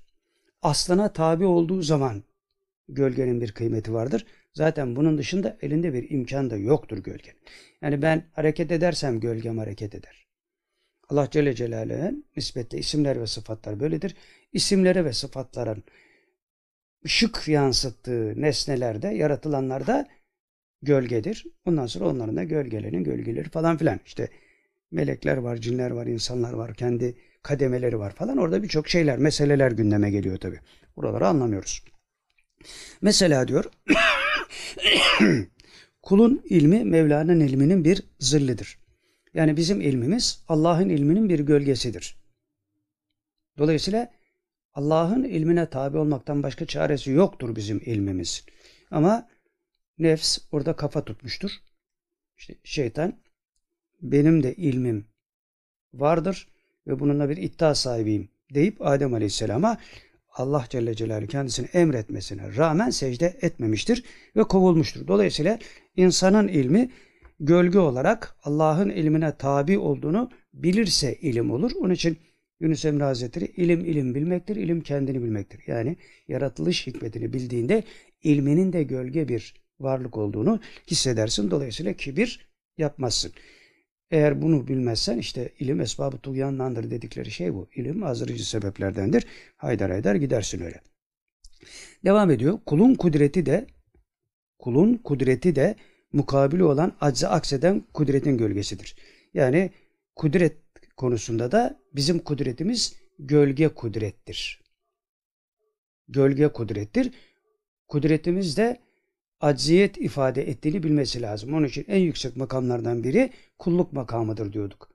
Niye? Acziyetini bildiğin zaman gerçek muktedir olana tabi olduğun için yani damlanın okyanusa e, katılması gibi teşbihte hata olmaz kaydıyla söylüyoruz tabi. Damla okyanusa katılırsa okyanustur. Katılmadığı müddetçe bir zerreciktir. Ondan bir şey olmaz. Yine böylece mümkünatın varlığı da varlığın karşıtı olan. Yine böylece mümkünatın yani yaratılmış olanların varlığı da varlığın karşıtı olan yokluk aynasına parlayan varlık sıfatının gölgelerinden bir zıldır. Mümkünatın varlığını da aynen bu şekilde, aynen kudrette olduğu gibi, ilimde olduğu gibi e, mümkünatın, yaratılmış her şeyin varlığını da karşı zıttı olan şeyle e, karşılaştıracaksın diyor. Orada yokluk aynasında kendisini görecek ve haddini bilecek. Yani kudret sahibi ben değilim, ilim sahibi ben değilim. Dolayısıyla varlık sahibi de ben değilim demek zorunda kalacak, kalması lazım. Başka türlü bu işler yürümez diyor. Şimdi diyor ki Efendi Hazretleri, şimdi beytimize gelecek olursak ayağını sabite yani ilk Allah'ın ezeli bilgisindeki yaratılış ayağını sabite tenzil oldu demek yani indi demek ayağını sabite tenzil oldu, indi demek. Mevla Teala'nın ilminde evvela mücmel olarak Resulullah sallallahu aleyhi ve sellemin hakikati belirdikten sonra ikinci de bütün tefsilatıyla varlıkların hakikati bir derece aşağıya inerek belirlenmiş, ayrılmış ve bütün varlıkların hakikatleri olarak kabul edilmiştir manasınadır. Yani indi. Nedir? Allah Celle Celaluhu hubbundan, sevgisinden Efendimiz Aleyhisselatü Vesselam'ın nurunu yarattı. İndi. İniş bu. Tenzil dedikleri bu. Sonra o hubdan Efendimiz Aleyhisselatü Vesselam'ın hakikatinden, Muhammedi hakikatinden, hakikati ferdiyeden diğer varlıklar yaratıldı. Bir daha indi. Birinci inişte cem var, topluluk var. İkinci inişte tefrik var. Yani teferruat var, ayrıma var. İnmekten kasıt budur diyor Efendi Hazretleri. Ondan sonra beyti okuyor. Hakaiki vücudi aynı de bil, zuhurları nicedir anla tekmil. Yani bu beyti İsmet Garibullah Kudüs'e buyuruyor ki Mevla Teala'nın ilminde ikinci mertebeye inerek teayyün evvel, teayyün sani diyoruz ya, teayyün saniden bahsediyor. Mevla Teala'nın ilminde ikinci mertebeye inerek yani Allah Resulü'nün nurundan kainatın yaratılması kastediyor. İnerek tafsilatıyla belirlenen eşyanın hakikatlerini, bütün eşyanın hakikati Efendimiz Aleyhisselatü Vesselam'ın nuruna nispetle gölgedir. Onun nuruyla vasıflandırılmıştır demek istiyor. Eşyanın hakikatlerini belirlenen yani inerek tafsilatıyla belirlenen eşyanın hakikatlerini vücudu aynide yani var olduktan sonra ortaya çıktıktan sonra o ilmi ilahideki suretlere uygun olarak var olduklarını bil. Yani bu şekle şemale bakıyorsun ya bunların bu zaviyeden meydana geldiğini, bu tenzil, bu inişle alakalı bir şey olduğunu bil. Bunlar kendiliğinden meydana gelmedi. O ilmi ilahideki suretlere uygun olarak var oldu. Bunu bil diyor. İlmi ilahide onun sureti vardı zaten. Ona da ne diyoruz? Ayağını sabite. Allah'ın ezeli bilgide bunlar vardı. Onları tenzil etti. Önce cem olarak Efendimiz Aleyhisselatü Vesselam'ı yarattı. Onun nurunu. Sonra da onun nurundan da bütün kainatı. Böyle bir tenzille ayağını sabitede Allah'ın ezeli bilgisine var olan hakikat böylece bizim gördüğümüz nesneler haline geldi. Kendimize dahil. Bundan sonra son beytte de şöyle diyor. bu dersi anlayıp Hakk'a gidelim. Cemali ba kemali seyredelim. Ve Efendi Hazretleri bunu şerh ederken demiş ki Büyük Şeyh Efendi Kuddüs'e sürü bizlere diyor ki bu dersi anlayın. Bu dersi anlayın diyor. Eğer diyor bu ders anlaşılmayacak gibi olsaydı bize anlayın demezdi. Ne derdi? Siz bunlardan anlamazsınız derdi.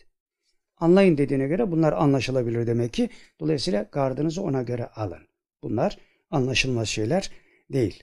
Eğer öyle olmasaydı anlayın demezdi. Biz ise bunları anlamadan geçiyoruz diyor Efendi Hazretleri ve devam ediyor. Mevla Teala'nın bizlere verdiği nice nimetleri, meyveleri yiyoruz, suları içiyoruz, elbiseleri giyiyoruz. Fakat buna mukabil şükretme çabasında bulunmuyoruz. Niye? Çünkü anlayın emrine muti değiliz, itaat etmiyoruz. Etmeyince de bu nimetlerin kadrini bilmek konusunda zaafa düşüyoruz. Dolayısıyla ne oluyor? Zulme meyilli bir hayata dönüşüyor hayatımız. Ama orada yaptığımız zulümleri de ki insan ilk başta kendine zulmeder bu hakikatleri bilmediği zaman. Sonra dışındakilere zulmetmeye başlar. Böyle böyle hakikat e, dairesinden dışarı çıkıyoruz. Ondan sonra kötülükler, kötülükler, kötülükler. evet. Buna mukabil şükretme çabasında bulunmuyoruz. Yani bilseydik, bunları anlama çabası içinde olsaydık ve anlasaydık şükretmenin de mahiyetini, hakikatini bilmiş olurduk diyor. Kıymetini bilirdik. Halbuki Allah Teala bizleri bal arası gibi faydalı yarattı. Yaban arasının diyor çok güzel bir görünüşü vardır ama o sarı siyah çok da güzeldir hakikaten ama bal vermez. Yaban arasıdır. Öbür bal arası da biraz hantaldır böyle tombulca bir şeydir falan. Ama o bal verir. Öbürü daha yakışıklı olmasına rağmen, daha görüntüsü güzel olmasına rağmen ondan bir numara olmaz diyor. Aynen yaban arasının çok güzel bir görünüşü vardır ama bal vermez halimiz böyledir diyor. Diğerinin ise yaban arasına nispetle öyle çok güzel bir görünüşü yoktur ama faydalıdır ve bal verir. Dolayısıyla kabalıkla gerek hakka gidelim, cemali va kemali seyredelim. Hadisesi var ya, heh, Bazen de kabalıktan geçip hakka gidelim, cemali ba kemali seyredelim. Zıtlar arası muvazene dininde sanatın oluşması için, sanatın hakikatinin meydana çıkması için bu zıtlar arası muvazeneyi her halükarda karşımızda görüyoruz ve anlamamız lazım. İşte bunları anlamadığımız için şükrün mahiyetini de anlamıyoruz. E canım hep şükür şükür şükür. Adam beni sömürüyor ben şükür. E gücün yetmiyor ne yapacaksın? Sen onun kafasını kuruyorsun, o senin kafanı kuruyor. Bu nerede başladı? Kabil'le Habil'le başladı. Kabil Habil'i öldürdü. O zamandan beri bu iş böyle devam ediyor. Kimse bunu bitiremeyecek. Kendini ezdirme, kimseyi de ezme. Bu ayrı bir olay. Ha, bunu doğru yapabilmek için Allah'ın ilminin yanında senin ilminin gölge olduğunu anlayacaksın. Şimdi büyüklerin ifadesiyle şimdi o ilmin gölgesinin mahiyeti ve hakikati devletlerin devleti olarak tenezzül ediyor. İniyor artık. Onun için diyorum bu karışıklıklar falan filan bu devletlerin devletinin ayak sesi. Onu kimdi o? şey söyleyen onu unuttum bak. Edebali Hazretleri. Devletlerin devleti diyor. Devlet demiyor. Devletlerin devleti. Dolayısıyla devletlerin devletinin kuruluşunun ayak sesleri de bayağı sarsıntılı ve gürültülü olacak. Onun için bundan sonra da bekleyin. Yani İranür, Minarür falan bunlar bunlar hikaye kalacaklar. Üçüncü Dünya Savaşı ile melhemeyi bekleyelim. Bakalım ne zaman gelecek. Vakit tayin etmiyoruz, edemiyoruz.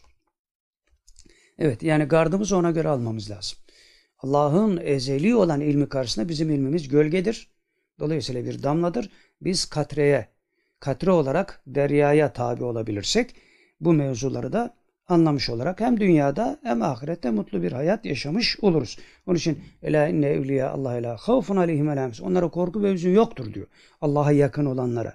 Biz de bunları idrak edersek Mevla'ya yakın oluruz. Bize de korku ve hüzün olmaz. Ama böyle olmadığı zaman ibareyi çözmüşsün.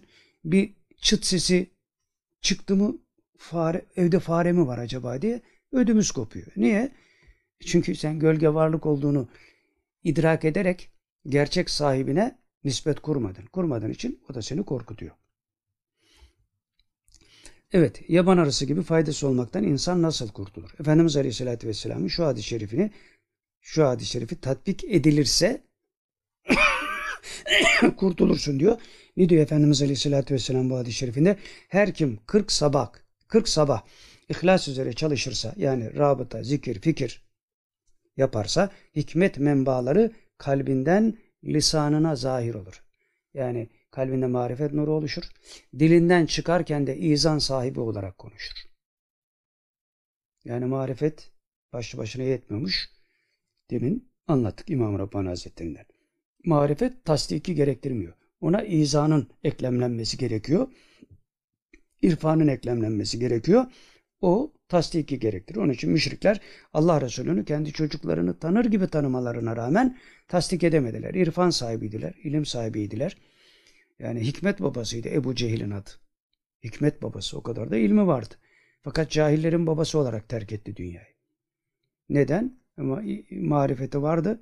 Fakat tasdiki gerektiren izan, idrak devreye girmemişti. Dolayısıyla müşrik olarak gitti.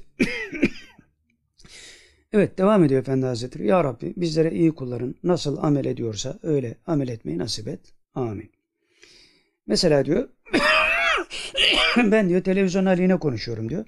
Şimdi bunun yerine tabii şeyi koyun, telefonu koyun. Yani interneti koyun. O zamanlar şeyler yok tabii internetler.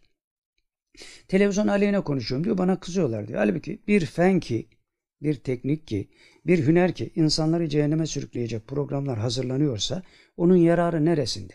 Yani senin hayata geliş gayeni zedeliyorsa ondan aldığın bilginin ne manası var ki? İşte Hermanes'in sözü tam burada yerini buluyor. Çok şey bilinebilir ama gerekli olan şey bilinmiyorsa bildiklerinin hiçbiri bir işe yaramaz. E sen bu dünyaya ahireti kazanmak için gelmiştin. Onları orayı kazanabilmek için elde etmek gereken şeyleri bu bilgi televizyonda, internette, telefonda falan filan bunlar elinden alıyor. E yani zarardasın. Sana zararda olduğunu söylediklerinde de gölge varlık olduğunu idrak edip gerçek varlığa nispet kuramadığın için bunu da anlamıyorsun. Niye? Nefsin araya giriyor çünkü. Şeytan araya giriyor. Bunu anlamana mani oluyor. Evet. Hazır onun yararı neresine? Biz bu dünyaya bizleri ahirete cennetlere girdirecek, cemalullah'a kavuşturacak fenleri hünerleri bulmaya geldik. Bizim teknik ve fen dediğimiz şey bizi Allah'a ulaştırandır. Televizyon seyretmek diyor bu manada yani bu anlattığım manada televizyon seyretmek kendini asmaya benzerdi. Evet yani asmaktan daha asmak onun yanında aslında biraz zayıf kalıyor yani. Aslında öldün gittin bu dünyan bitti ama öbür tarafta bu hakikatleri unuttuğun için şu şu şu şu vesilelerle teknik vesilesiyle fen vesilesiyle eğer hakikatten uzaklaşmışsan e, ebedi cehennem var. Onu ölmek nedir ki onun yanında? O milyon kere ölmek demektir yani öbürü. Bunları da anlamıyoruz. E, Mevla Teala diyor devamında Efendi Hazretleri beni zikredin buyuruyor. Niçin? Niçin beni zikredin buyuruyor? Bizim karımız için diyor. Namaz kılın, oruç tutun buyuruyor. Niçin? Bu da bizim karımız için. Peki bir soru soruyor burada. Bunların hepsi kendimiz için. Peki Allah Teala için yaptığımız amel nedir? Yani kendiniz için zikredin diyor. Namaz kılın, oruç tutun, şunu yapın. Kendiniz için, benim için değil diyor. Benim ihtiyacım yok. Benim için de bir şey yapın diyor Mevla. O nedir? Onun cevabını veriyor. Bu amel onun rızası için onun sevdiklerini sevmek, yine onun rızası için onun sevmediklerini sevmemektir. Onun için mümine halip selim, kafire şedid. Çünkü Allah kafiri benimsemiyor. Mudil ismiyle onu yoldan çıkarmıştır. Takdir ettiği bir şeydir, onun da hak ettiği bir şeydir. Onun için onu sevmiyor, sen seviyorsun onu. Eğer müşriği sen sevmezsen, müşrikle dost olmazsan, ona yakın olmazsan Allah için bir şey yapmış oluyorsun.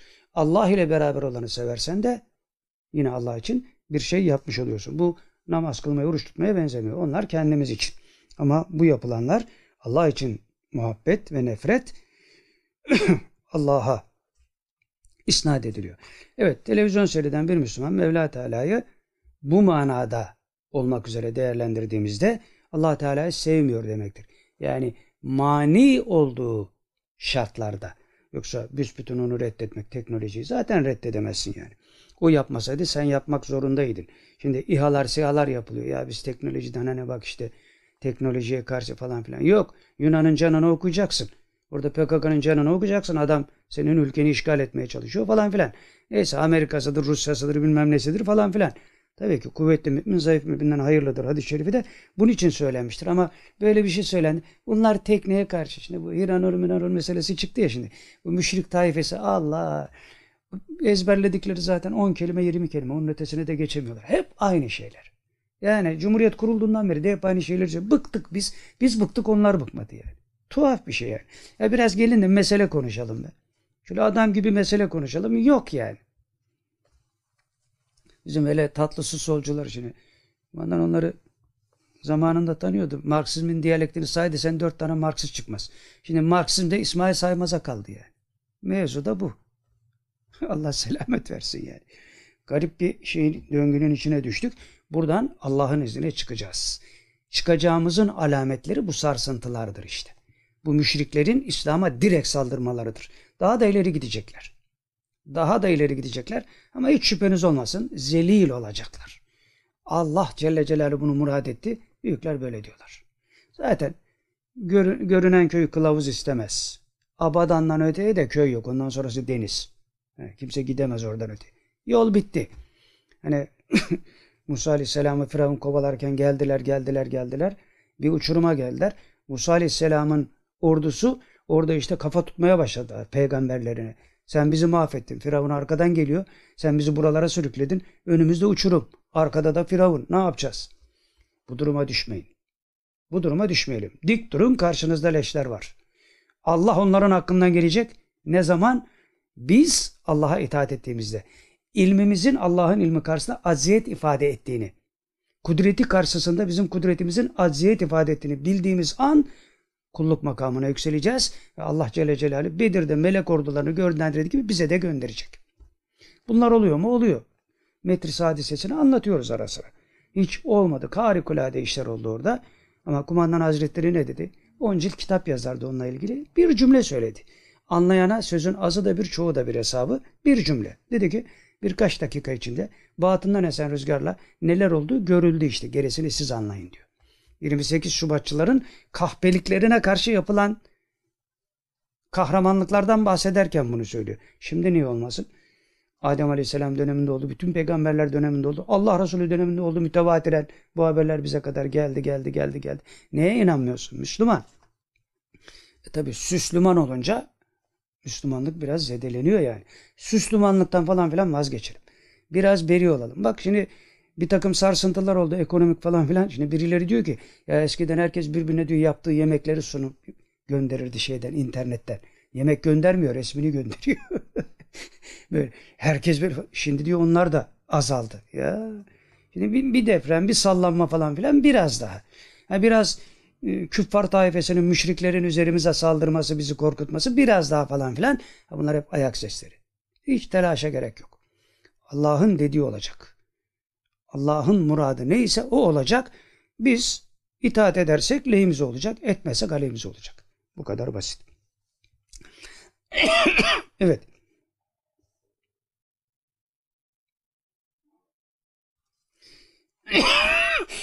Zira Mevla Teala'yı seven onun düşmanlarına itibar etmez. Onların o çirkin hallerini seyretmez. Fahiş sözlerini dinlemez.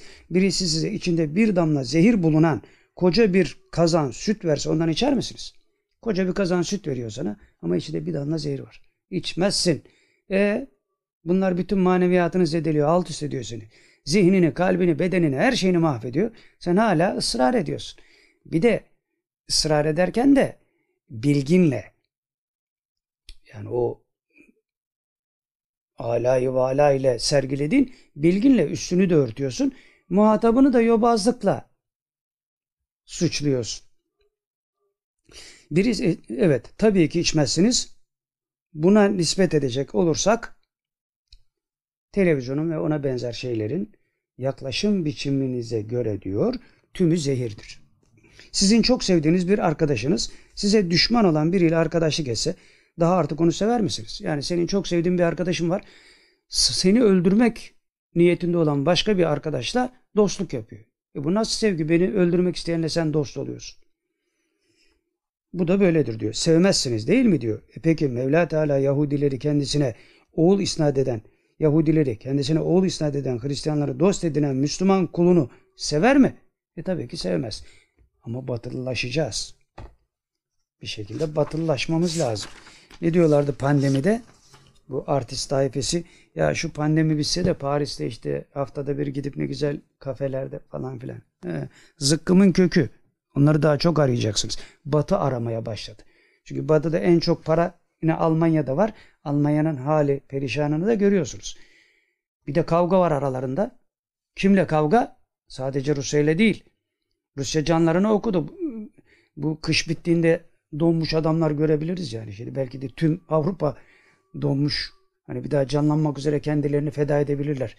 Buzul çağına girmiş gibi. Öbür taraftan Almanya'da biraz para var. E, Fransa liderliği oynuyor. Almanya da liderliği oynuyor. İngiltere kirişi kırdı. Amerika ile aşna fişne yapıyor. E, Amerika'nın ahvali perişanı meydanda. Şimdi burada haber kaynağımızdan gelen küçük bir haberi de okuyacağız. Aktüel meselelerde de. Daha önce de ne demiştik? Amerika'da bir tehlike var. Devletle milletin arasının açılması tehlikesi. Ona dair küçük bir bilgi de var. Heh, bu bilgi de başka bir türlü gelen bilgiydi. Evet, şimdi gelelim üçüncü dersimize. Ne kadar zamanda bitirdik bunu? Bir saat, bir çeyrek. İyi ya. İnşallah bu çok uzun sürmez de. Bu sefer en kısa sohbetimizi yapmış oluruz. Milletin canını okumayız. Bu da zaten uzun değil inşallah. Bir, birkaç tane video var. Onları seyrettireceğiz. Evet, aktüel meseleler. Şimdi bir şeyle başlayalım mevzuya. Ee, bir espriyle başlayalım. Ee, bir, bir soru soracağız. Birinci maddenin başlığı da şu. Bir bilmecem var. Hani eskiden öyle bir şey de vardı biliyorsunuz reklamlarda. Bir bilmecem var çocuklar. Haydi sor sor. Çayda kahvaltıda yenir falan filan. Hani etinin reklamını yapıyordu falan. Şimdi o mealde bizde bir bilmecemiz var size. Bunu kazananlara da bir ödül var. Ödülü de sonunda söyleyeceğiz. Şimdi esprili bir video ile başlayalım. Lakin bu video öyle enteresan bir video ki özünde fevkalade doğrular barındıran bir video.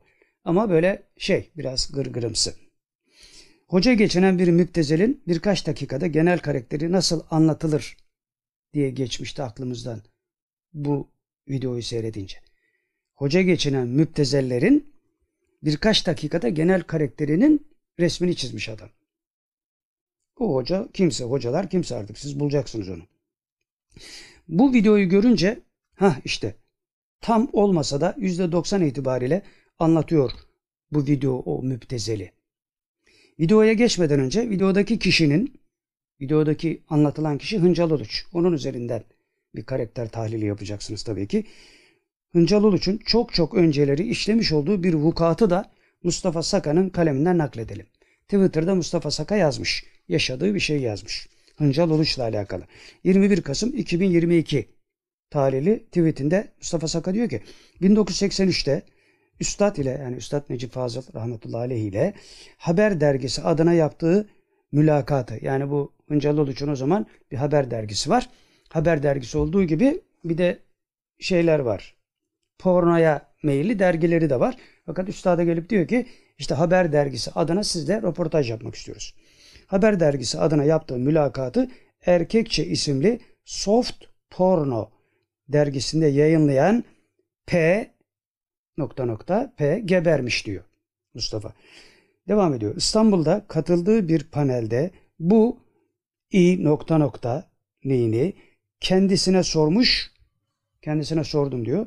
Sormuş ve gözlerindeki korkuyu görmüştüm.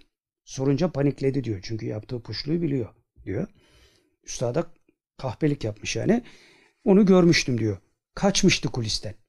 Yani Mustafa Saka sorunca bu Montingen tüymüş. Kaçış o Mustafa Saka iyi bitirmiş burayı. Kaçış olmayan yerde şimdi. Yani onun ölümü üzerine zaten. Kaçış olmayan yerde şimdi ve şöyle bitirmiş. Keh keh keh. Hesap zamanı. Göreceğiz. Evet. Videonun Mevta kahramanını soracağız. Şimdi onu seyrettirelim. Böyle bir 3 3 dakika mı öyle bir şeydi herhalde. Hemen. Şu adamdı Hıncal Uluç. Kaprisliydi. Meslektaşlarını bile harcamaya meyilli bir kimlikti.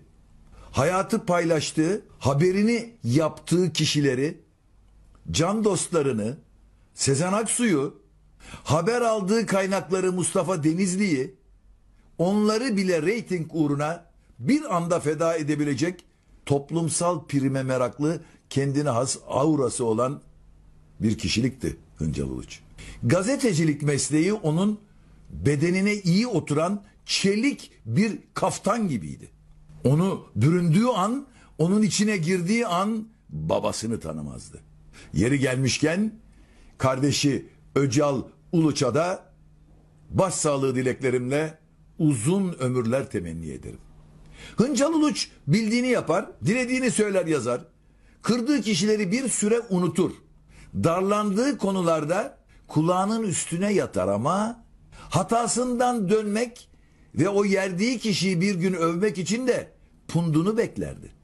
Kendine rakip olabileceklerin adını bile anmaz ağzına almazdı. Hatta önünü bile kesebilirdi o kişilerin. Çok şeyler yaşadım Hıncal Uluç'ta. Hıncal Uluç gerçekten avuçlara sinen, fesleğen kokusu gibi bir kişilikti. Bazılarına alerjik gelse bile. Hıncal Uluç gazetecilik mesleğinde yaşamak için öldürmeyi mübah sayan ancak bunu çok akıllı yapan, karda yürüyüp izini belli etmeyen, kendisine reyting getirecek konuları çok iyi bulup çıkaran, herkesin ak dediğine kara diyen, dikkat projektörünü kendi üzerine çevirmeyi becerebilen ender bir kimlikti. Hıncal için sevgi nefretle kardeşti. Aşk ile meşk ayrıydı. Aşık olabilir ama meşke de girmeyebilirdi. Holisi vardı onun. Amerikalı sevgilisi. Aşkı kısa sürdü. Holly Amerika'ya döndü. Her konuda fikir beyan etmesi, bazen Machiavelli'yi hatırlatsa da Osmanlı tavrının da üstün bastığı anları oluyordu. Gazeteciliğe Ankara'da Akis'le başlayan, spora Cumhuriyet Gazetesi'nde basketle başlayan, Sabah gazetesi sahibi Dinç Bilgin'le yücelen. Çok şikayet edildi Hıncal Uluç. Çok tecavüze uğradı, ayağından da vuruldu. Ama arkasında tam patron denebilecek Dinç Bilgin denen bir gazete patronu vardı. Dokundurmadı Hıncal Uluç'a. Ayağına top değmemişti Hıncal Uluç'un. Böyle olmasına rağmen futboldan en iyi anlayan, ağzına düdük değmediği halde bir hakemi her pozisyonunda eleştiren, hatta Riva'daki VAR'dan önce offside'i bile hakemden daha iyi gören, soyunma odasında kapsolin kokusu duymamış olmasına rağmen çok iyi bir teknik direktör olan, vücut anatomisi, kırık çıkık, adalet sorunu, lif atması, kaslar ve kasıntılar üzerine değme profesörlerle taş çıkartacak yorumlar yapıyordu. Her pozisyona tersten bakmasını becerebilen, moda denince çok sevdiği Fatih Terim'in kızı Buse'yi bile çırak çıkartabilen, yemek konusunda master şef olan, garsonlara bile servis öğreten, yemeğin tuzunu gözleriyle görüp bu yemek tuzsuz diyebilen, kendisine kızan insanları bile sütunlarını ve yorumlarını takibe mecbur bırakan bir kalem ve kelam üstadıydı Hıncal Uluç. Seni çok anacak, seni çok arayacağız. Medya paletinde kırmızısı kuvvetli bir renk daha kaybetti. Taksiratın affola Hıncal. Allah'a emanet ol Hıncal. Allah'ın vasi rahmeti üzerine olsun Hıncal. Üzgünüm. Ama hayat bu. Bir gün yine birlikte olacağız. Tamam. Evet. Sayın Halkı Kulpeler seyrettiniz mevzuyu. Şimdi biz şöyle bir şey diyelim. Videonun mevta kahramanı yani Hıncal Uluç kime benziyor bilin bakalım. Herkesin etrafında buna benzer tipler mutlaka vardır. Herkes birini yakalar mutlaka. Bilene ne ödül mü var? Hani ödül dedik ya. Bilmiş olanlar sosyolojik realiteyi iyi takip ediyor olmanın erginliğini yaşıyorlar demektir. Ödül olarak bu yetmez mi? Para dağıtacak halimiz yok yani. evet. Bu mevzu geçmiş olalım. Şimdi ikinci maddeye gelelim. İkinci maddenin başlığı şu. Cübbeli Ahmet Mahmut Ünlü bizim kitabımızı kendisine delil gösteriyor. Bizim Kökler yayınlarından bastığımız rahmetli şehit hocamız, Hızır hocamızın hazırladığı bir kitap var. Onun videosunu da koyacağız zaten. Burada da gösteririm. Şimdi o kitabı referans olarak gösterip bize diyor ki okusunlar diyor. E onları biz yazdık zaten. Yani köklerdeki arkadaşlar yazdılar. Dolayısıyla onların aslını biz anlatacağız. Daha önce de anlatmıştık. Ama kökler üzerinden madem bize mesaj gönderdi. Biz de bir daha mevzunun aslını kendisine hatırlatalım ve millete hatırlatalım. Şimdi bu videoyu da seyrettirelim. Evet bu da bir 40 saniye miydi öyle bir şey değil mi? Şimdi, Efendi Hazretleri Zekeriya Efendi'ye rahmetli anlatırdı. Celal Özen'in e, abimizin babası İs- İsmail'e en büyük hizmetleri geçenlerden e, Zekeriya Efendi Vakfı kuran. E, Efendi Hazretleri sordu. Sizden sonra ne olacak? Ben Mehdi'ye bırakacağım. E ondan sonra Hızır Efendi'nin sohbetlerini kitap yapmışlar. Hızır Efendi sohbetlerini kitap yapmışlar işte o şeyden köklerden neymiş işte filan. Kitap yapmışlar. Kendileri okusun kitabı. Ne dedi Hızır Efendi hocamız rahmetullahi aleyh? Büyük veliydi tabii yani. Büyük veliydi. Ee, orada Mahmut Eren Hoca bir e, yanlış beyanda bulundu. Veyahut da işte Yani mevzu anlaşıldı. Şimdi bize diyor ki okuyun diyor kendiniz yazdınız diyor. Rahmetli Hızır Hoca da büyük veli idi diyor. Büyük veli olarak söylediklerini söyleyeceğiz. Sen büyük veli misin? Öyle bir iddian var mı? Herhalde yoktur yani. Şimdi devam ediyoruz. Kurucusu olduğum Kökler Derneği'nden bahsediyor burada. Ve işte kendileri basmış kitabı. Orada anlatıyorlar. Benim doğru olduğuma delil bu işte diyor. Yani benim söylediklerimin delili var. Bir de bana karşı geliyorlar diyor. Bize söylüyor yani. Tabii her zamanki kurnazlıklarından birine teşebbüs etmiş. Önce şunu belirtelim. Hani bu adam İsmail Saymaz'a Saadettin beni ilgilendirmez onları kale almıyorum demiyor muydu? E buralara nasıl geldin? Tabii kale almadığı Saadettin'den Fas'tan Tunus'tan gelen kadınlarla başı belaya girdiğinde yardım istedi ama. Oralarda kale alıyor ne hikmetse. Sonra görmemezlikten geliyor. Şimdi burada da kökler mökler derken nasıl küçümsüyor görüyorsunuz yani. Yani ki şey- yoklar yani. Ama yardım istediğin zaman varlar. evet. ne oldu da bizim kitabında bastığımız kitabı kendine kaynak ve delil gösteriyor Cübbeli Ahmet Mahmut. Neyse komediyi geçip mevzunun esasına bakalım. Bu mevzunun esası şöyleydi. Daha önce de anlattım. Bu YouTube'da da video olarak var. Veysel Hoca, bu da çarşambada tanınan birisidir. Benim hafızlık arkadaşımdır. Ondan kendim de dinledim. Videosu da var. Orada e, Veysel Hoca Hızır Hoca'nın yanında dururdu şeyde. Çukurbostan'da imamlık yaptığı zaman Hızır Hoca o da onun yanında bulunurdu. Bir gün diyor çapa yapıyor orada. O zaman orası toprak tabii böyle beton falan değil şimdiki gibi. Çapa yaparken diyor birisi geldi. Dedi ki hocam bir şey söyleyeceğim. Söyle dedi. Efendi Hazretlerinden sonra Efendi Hazretleri'nin makamına Cübbeli Ahmet'in geçeceğini düşünüyorum. Şimdi Veysel Hoca burayı söylemiyor tabi. Biz onu öğrendik. Orada adam Cübbeli Ahmet Mahmut Ünlü'nün adını veriyor. Zaten babası da öyle demiyor muydu? %99,9 benim oğlum geçecek diyor efendiden sonra. Hazırlanmışlar zaten. Onun için ortalık bu kadar karıştı. Yani biz müdahil olmasak, başkaları da müdahil olmasa bu şimdi çoktan şeklini ilan etmişti. Beceremedi şimdi yan yan gidiyor. İç alem düzenindeki dengeyi bilseniz çok farklı şeyler düşünürsünüz de bu daha henüz hissedilir hale gelmedi. Yavaş yavaş tedrici olarak gerçekleşecek. Diyor ki Veysel Hoca, Hızır Efendi diyor, bu söz üzerine diyor, elindeki çapayı diyor yere koydu. Şöyle sapına diyor, yaslandı. Adama diyor öyle bir bakışı vardı ki diyor. Ve adama çok ilginç bir laf söyledi diyor. Yani o anki nefretini hissettirebilmek için çok enteresan bir şey söylemiş. Demiş ki hani bedi zevki incitmiş gibi olacağız ama tesiri halk olsun diye aynen Özer Hoca'nın söylediği gibi söyleyeceğim. Rahmetullahi. Şu anda demiş seni nasıl görüyorum biliyor musun? İlk defa hayız görmüş bir kızın kanından tiksinmesi gibi senden tiksiniyorum. Böyle bir hakaret etmiş adama. Ve arkasından eklemiş.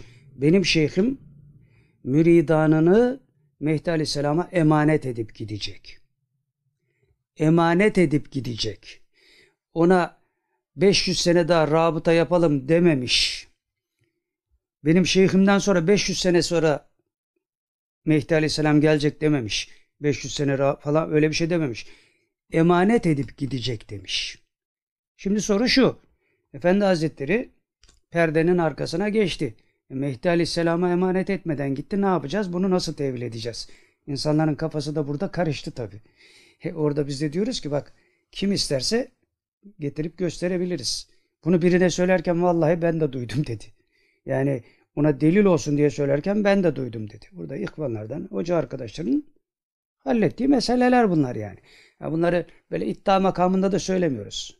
İnanmayan zaten inanmaz. Adam diyor ki 28 Şubat döneminde Mehdi Aleyhisselam talebi olarak okumaya başladı elhamdülillah.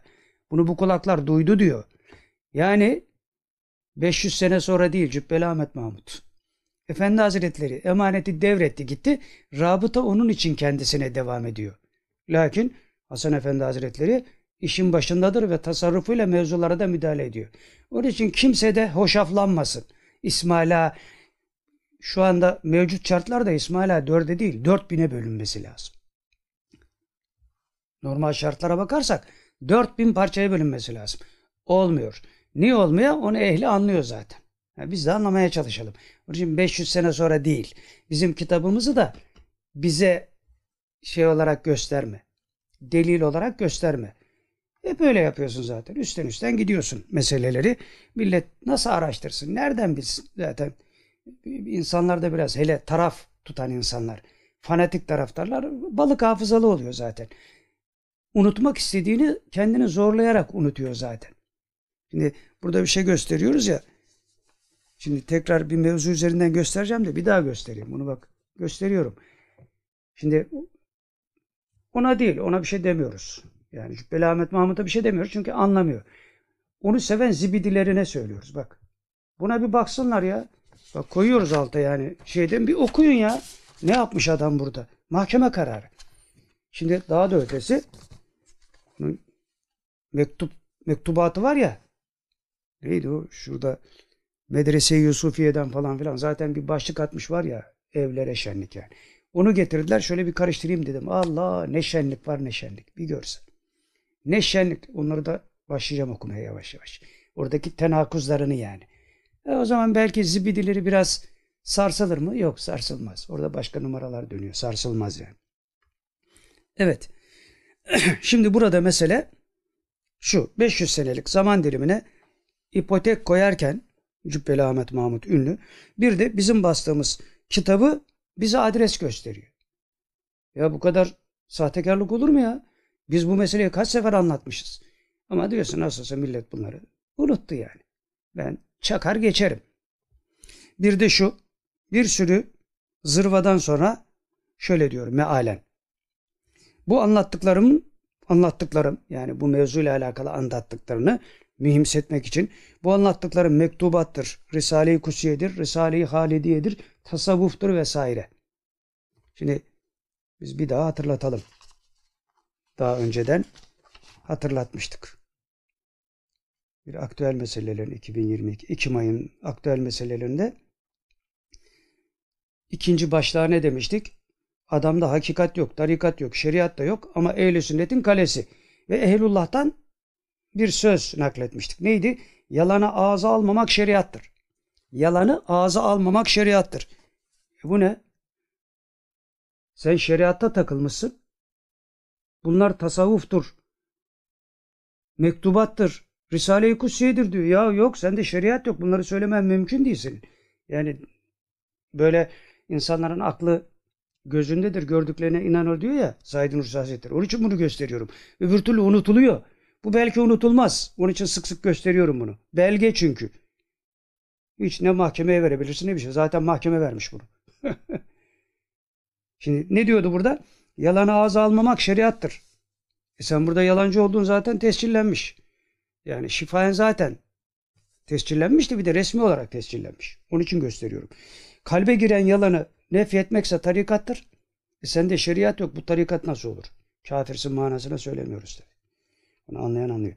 Ondan sonra kalbe giren yalanı cehd sarf ederek yani gayret sarf ederek nefyetmek, çıkarmak tarikat iken cehdsiz ve emeksiz atmak da hakikattir. Sen nasıl bu tasavvuftur, mektubattır, Risale-i Kutsiye'dir, Risale-i Halide'dir diyorsun. İnsan biraz utanır ya.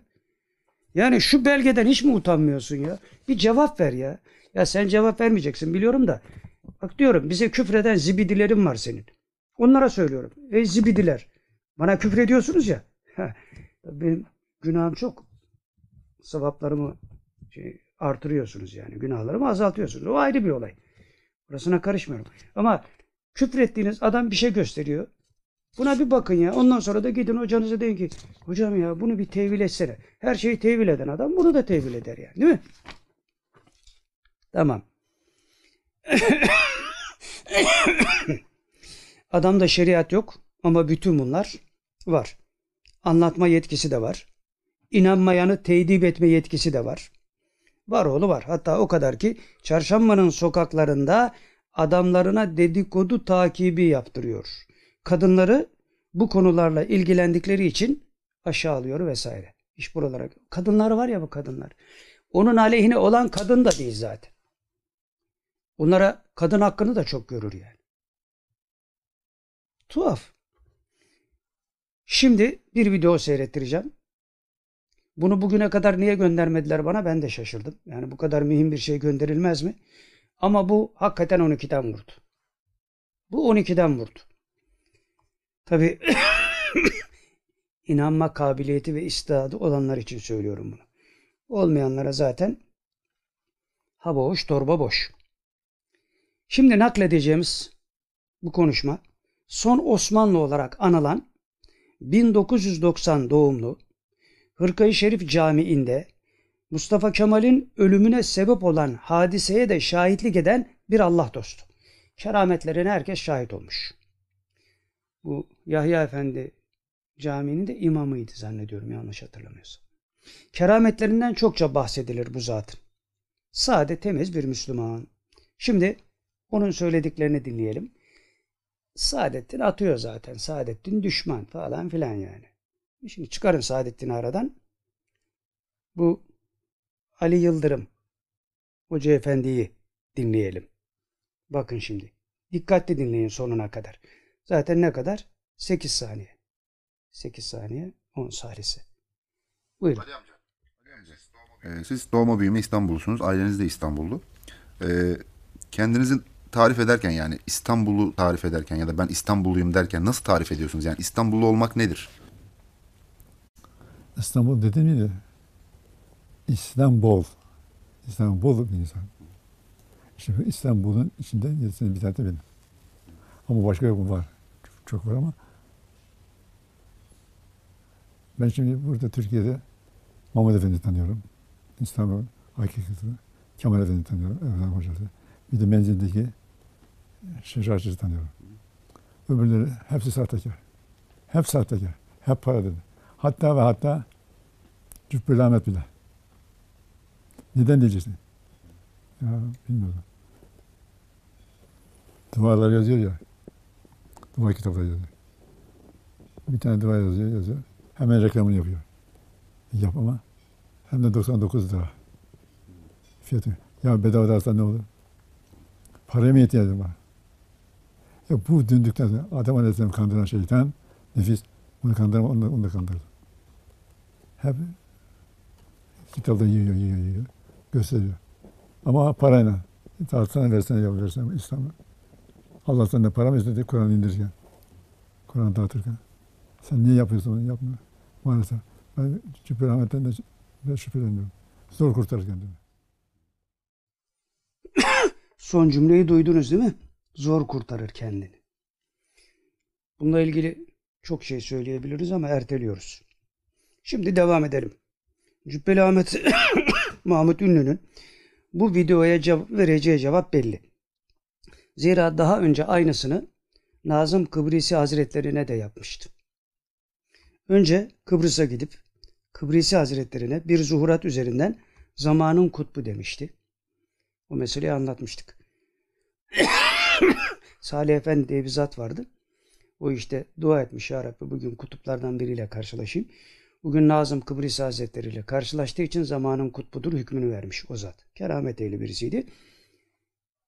Cübbeli Ahmet Mahmut da onun sözüne itibar ederek bunu Kıbrıs Hazretlerine anlatıyor yüzüne karşı. Yani siz böylesiniz onun için bize dua edin falan filan. Fakat sonra bir müddet sonra Nazım Kıbrıs Hazretlerine ihtiyar bunak dedi. Şimdi bu Ali Yıldırım Hoca Efendi'ye de aynı şeyi söyleyecek. Ya işte oradan bir ihtiyar çıkmış falan filan. Hep aynı taktikler. Sonra ne olduysa yani Nazım Kıbrıs Hazretleri'ne bunak dedikten sonra ne olduysa galiba Berzah'tan gırtlağına çöktü. Berzah'tan gırtlağına çöktü Nazım Kıbrıs Hazretleri. Oğlu Mehmet Efendi'ye gitti. Onların da görüntüleri var. Gidip elini öptü. Yani Nazım Kıbrıs Hazretleri'nin oğlunun elini öptü. Bunu da video olarak koymuşlar zaten. Elini öperek dedi ki babanın mezarına git benim adıma özür dile beni affetsin. Bak önce ne diyor? Zamanın kutbu. Salih Efendi'ye itikad ettiği için söylüyor. Sonra bir hafta sonra ihtiyar bunak diyor. Sonra nasıl bir sopa yediyse bilmiyoruz maneviyatta. Oğluna koşuyor ne olur babanın mezarına git benim adıma özür dile beni affetsin. Yani bildiğiniz rüzgar gülü. Bildiğiniz rüzgar gülü. Ya artık ben diyorum Cübbeli Ahmet Mahmut'a seslenmiyorum bak. Bana küfreden zibidileri size söylüyorum ya. Bir şey söyleyin ya. Bir şey söyleyin. Küfür etmeyin. Namussuzluk yapmayın bak. Onunla da ayrı hesaplaşırız sonra sizden. Bizim vaktimizden çalmayın yani. Onlarla uğraştırmayın bizi. Olmaz ya. Yani bir, biraz bakın bir sorun ya. Hocam bunu niye yaptın? Lakin sorsanız da cevap alamazsınız. Çünkü Efendi Hazretleri'nin bir vekili bir meseleyi sormuştu. Her zaman anlattığımız çok ciddi bir mesele. Bu geçici nikah meselesi. Vermedi diyor cevap. Vermez. Kimse ona istemediği cevabı verdiremez. Evet. Bu videoya da videoyu da dinlediğinde cevap vermez tabi. Verirse Ali Yıldırım Hoca Efendi ihtiyar bunak diyecek. Bunak kim siz tayin edin artık yani biz bir şey söylemeyelim. Evet geldik dördüncü maddeye. Yine bir başlık şu dördüncü maddenin. Yine bir Cübbeli Ahmet Mahmut ünlü klasiği. Bir, ne yapalım? Çok malzeme çok yani. Şimdi 8-12-2022 tarihli Akit'teki köşesinde yazmış. Ali Kara Hasanoğlu. Şimdi Rüzgar Gölü Cübbeli Ahmet Mahmut ünlü. Okuyacağımız bu yazıda da aynı varyeteleri yapmış. Şimdi temin anlattığımız mevzunun aynılarını farklı bir versiyonuyla yapmış. Saygı Öztürk'e gerekli malzemeyi verdikten sonra bu Hiranur meselesi. Hani dedik ya biraz işin dedikodusuna da gireceğiz. Şimdi dedikodu kısmına geldik yani. Bir yazı üzerinden kısaca temas ediyoruz. Gerekli malzemeyi verdikten sonra Saygı Öztürk'e havanın değiştiğini fark edince her zamanki gibi çark etmiş. Ama zihinlerde kalan ilk beyanat elbette. Çünkü onlar onu Halk TV'de falan filan yayınladılar, reklam ettiler. Ben Cübbeli Ahmet Hoca'yı aradım. O da bunları kabul etmiyor, şöyledir, böyledir falan filan diye hadiseyi köpürttüler tabi. Tabi Cübbeli Ahmet Mahmut ikinci versiyonunu gündeme getirip ne diyecek? Millete bak hocayı nasıl savuldum. Yani Hiranur Vakfı'nı nasıl savundum? Havasına bürünce havasını da atmış olacak. Şimdi meselene ona gelelim. Ali Karahasanoğlu gelin orada da damat ortada yok. Başlığıyla bir yazı yazmış. Burada Kılıçdaroğlu'nun helallik meselesi vardı ya oradan başlamış falan. Orası bizi ilgilendirmiyor. İlgilendiren bölümden itibaren okumaya devam edelim. Diyor ki aynı yaratıcıya inanan, aynı imana sahip insanları töhmet altında bırakacak şekilde Cumhuriyet Halk Partililerin iftiralarına teşne olacak şekilde Cübbeli Ahmet'in hem de hastaneden daha yeni çıktığı bir süreçte şu cümlesini o vicdansızların kalem oynattığı gazetede okumasaydım bu konuya yine girmeyecektim. Ama Cübbeli Ahmet de bu konuya girdiğine göre önce ona cevap ile başlayayım diyor. Sonra o CHP'nin ölümüne destekçisi, gazeteci geçinen yalancıların, müfterilerin riyakarlıklarını göz önüne serelim. Bir vakfımızın önde gelen isimlerinden birisinin İranur Vakfı'ndan bahsediyor. 6 yaşındaki kızının evlendirildiği iftirası, söylemde Marksist, fiiliyatta emperyalizmin sözcüsü Bir Gün gazetesinde Timur Soykan'ın köşesinde yazılmış. Söylemde Marksist, fiiliyatta emperyalist. Evet bunlar o hale geldi. İçişleri Bakanı Süleyman Soylu mecliste HDP'lilere siz Amerika'nın uşaklarısınız deyince kudurdular. E, nesisin yani? Gene insaflı bir kelime kullandı yani. Bunlar da öyle. Söylemde Marksist, lafta Marksist, fiiliyatta emperyalizmin sözcüsü. Bunlar saldırıyorlar bizi şu anda. İslam'a saldırıyorlar direkt yani. Bundan sonra da o saldırıyı örtbas etmek için kim İslam'a saldırıyor ya diyor. Hepsi aynı üçkağıtçılığı yapıyor. Biz diyor siyasal İslam'a saldırıyoruz diyor. Önceden bu taktik irtica kelimesi üzerinden. İslam'a saldırmanın kelimesi o. İrtica dedim mi akan sular duruyor. Şimdi o irtica mürtica bitti kendileri yobaz oldu çünkü biz onlara mürteci diyoruz artık. Açtık oraları. Şimdi bu sefer başka bir şey buldular. Siyasal İslamcılar. Ne, ne demek siyasal İslamcı? Şurada İslam'ı hassasiyetleri az olan insan vardır, çok olan insan vardır. Bunu de anlarım da siyasal İslam deyip de bütün İslam'ı karalamanın taktiğini kime yutturacağınızı zannediyorsunuz ya. Yemezler. Evet, söylemde Marksist, fiiliyatta emperyalizmin sözcüsü bir gün gazetesinde Timur Soykan'ın köşesinde yazılmış. Hiç ciddiye bile almadım diyor. Nikah mı? O da ne? diyen ilkesizlerin her gün bir başkasıyla yatıp kalkmayı kendilerine adet haline getirenlerin dindar insanlara söyleyebilecekleri tek kelime olmayan bir konuda Timur Soykan ne demiş, ne dememiş beni hiç ilgilendirmiyor diyor. Ve devam ediyor. Ama 6 yaşındaki kızı evlendirdiler. Ahlaksız iftirasını atan sahtekarların uzattığı hıyara tuzum var diye koşan Cübbeli Ahmet de şu cümleyi kurunca artık bu konuya girmem zorunlu oldu diyor. Diyor ki Cübbeli Ahmet, o olayın aslını bilmiyorum. Bak şimdi iftira nedir burada göreceksiniz. Olayın aslını bilmiyorum diyor. Yani Hiranur meselesinde ne oldu bunu bilmiyorum diyor.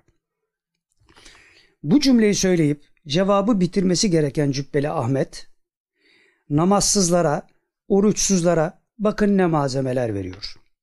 Bir meli, bir mediği olay hakkında bakın neler söylüyor.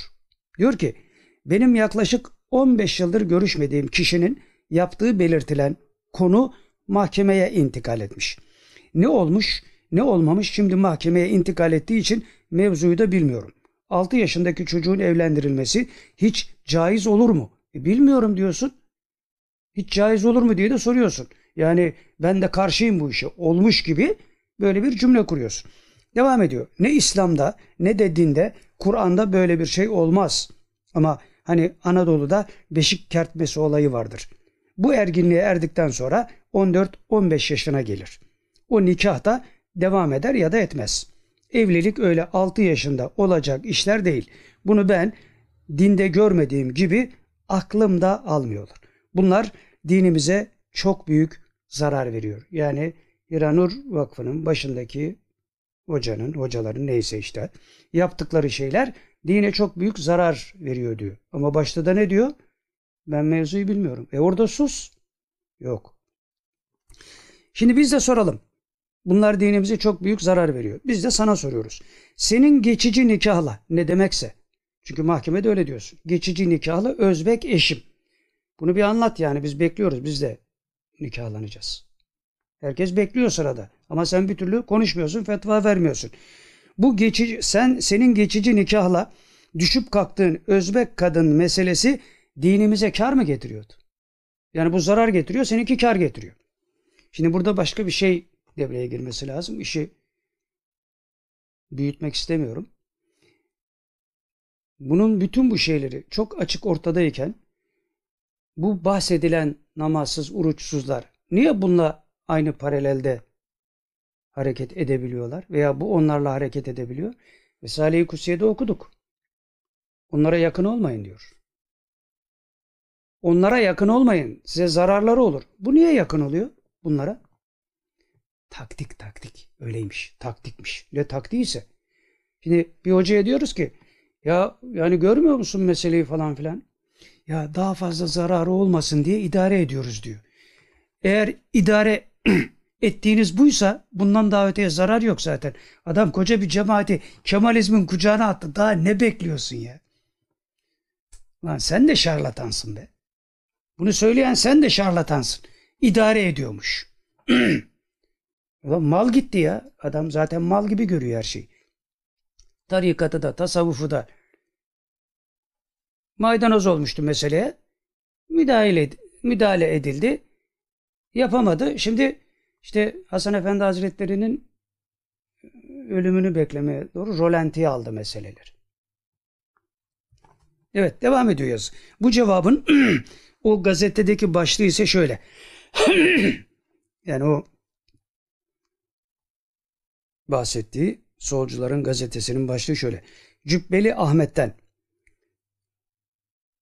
vakfındaki 6 yaşında imam nikahı ve istismara tepki. Cübbeli Ahmet'ten filan işte vakıftaki Hiranur Vakfı'nı kastediyor tabi. 6 yaşında imam nikahı ve istismara tepki. Bunu ben dinde görmediğim gibi aklımda almıyor. Bunlar dinimize çok zarar veriyor. Böyle demiş Cübbeli. Bu nasıl İslam kardeşliği diye soruyor şimdi Kara Hasanoğlu. Bilmediğiniz bir konuda bir müfteri bir din kardeşinize 6 yaşındaki kızını nikahladı diyecek. Daha mahkemede olan bir şey. Ortada bir şey yok. Siz de hemen bilmiyorum diyeceksiniz Cübbeli Ahmet Mahmut olarak. Hem de devam edip bunlar dinimize çok zarar veriyor diyeceksiniz. Biraz daha ileri gidelim. Bu ne diyordu? Tarikatlar Türkiye'de beka sorunudur. E sen İsmail Ağa tarikatına mensup değil misin? Yani demek ki sen de beka sorunusun yani. Kendinin beka sorunu olduğunu söylüyorsun. Ama sen başka türlü bir beka sorunusun. Bunların altlarını çiziyoruz. Vakti gelince anlatacağız inşallah. İşinize gelince dinle alay etmek isteyenleri öyle çıkmazlara sokuyorsunuz ki dolayısıyla benim cübbeliye akıl vermeme gerek yok. İstediği zaman diyor onları susturabiliyor. Karşısındaki hokkabaza şunu soramıyor diyor Cübbeli Ahmet. Bastığınız fotoğraflardaki beyaz elbise giymiş küçük kız gerçekten düğün sırasında fotoğrafı çekilmiş bir gelin ise yanı başında damat niye yok? Bu soruyu sormaktan aciz Cübbeli Ahmet bunların şerrinden emin olmak için altını çiziyorum. Bunların şerrinden emin olmak için buna bir şey daha eklemesi lazımdı. Onu da geçiyorum. Sadece şerrinden emin olmak yok hadisenin içinde. Kendi din kardeşine atılan iftiraya ortaklık yapıyor. Onların çarpıtabileceği cümlelerle sanki gerçekten böyle bir 6 yaşında nikah varmış gibi ifadeler kullanıyor. 6 yaşında nikah yok ise o elbise ne diye soracak. Bir tane baba var mı? Bir tane anne var mı aranızda? Her birimiz o yaştaki kızlarımızın kimi zaman kuzenlerinin, kimi zaman ablalarının, abilerinin nikahlarında benzer elbiseler giydirildiğini hepimiz bilmiyor muyuz diyor. Bırakın ablaların, abilerinin, kuzenlerinin, amcalarının, dayılarının, teyzelerinin düğünlerinde küçük kız çocuklarının giydikleri o beyaz elbiseleri ilkokul mezuniyet töreni, anaokulu mezuniyet töreni adı altında benzer bazıları da yarı çıplak. Kemalistler de öyle yapıyorlar. Bazıları da yarı çıplak elbiseleri giymesi konusunda çocuklarımıza baskı kuranlar, anne baba ile çocuklar arasında ikilem yaşatanlar. Şimdi kalkmışlar muhtemelen bir yakınının özel günü sebebiyle giyilmiş beyaz elbiseyi kendi düğününde giyilmiş gelinlik gibi takdim ediyorlar. Yalan yazıyorlar. Bu konuya girmemin bir sebebi Cübbeli Ahmet, diğeri de dün avukatımız Ali Paccı'nın bana getirip sen de bir bakar mısın dediği dilekçe. Bu iki sebeple girdim. Bir diyor Cübbeli Ahmet'in bu söyledikleri ihanet çapında yaptığı bu hamlesi. İkincisi de diyor avukatımın bana getirdiği bir belge. Bunlar sebebiyle girdim ve anlatıyor. Dilekçe neyle ilgiliydi diyor. Avukatımın verdiği dilekçe. Bize diyor dürüstlük taslayanların yazamadıkları, bir virgül bile ima edemedikleri, Türkiye'nin en büyük holdinglerinin damadı İnan Kıranç'ın yeğeni Koç Holding'de 41 yıl çalışmış Can Kıraç'ın aynı adı taşıyan torununun 14 yaşındaki bir kıza tecavüz etmesiyle ilgili haberimize getirilen erişim engeli kararına itiraz dilekçesi. Yani bir tecavüz hadisesi var. İnan Kıranç'ın torunu Can Kıraç 14 yaşında bir kıza tecavüz etmiş. Kimse bu haberi yapamamış. Akit gazetesi yapmış. Bunlar mahkeme kararıyla bu haberi kaldırtmışlar.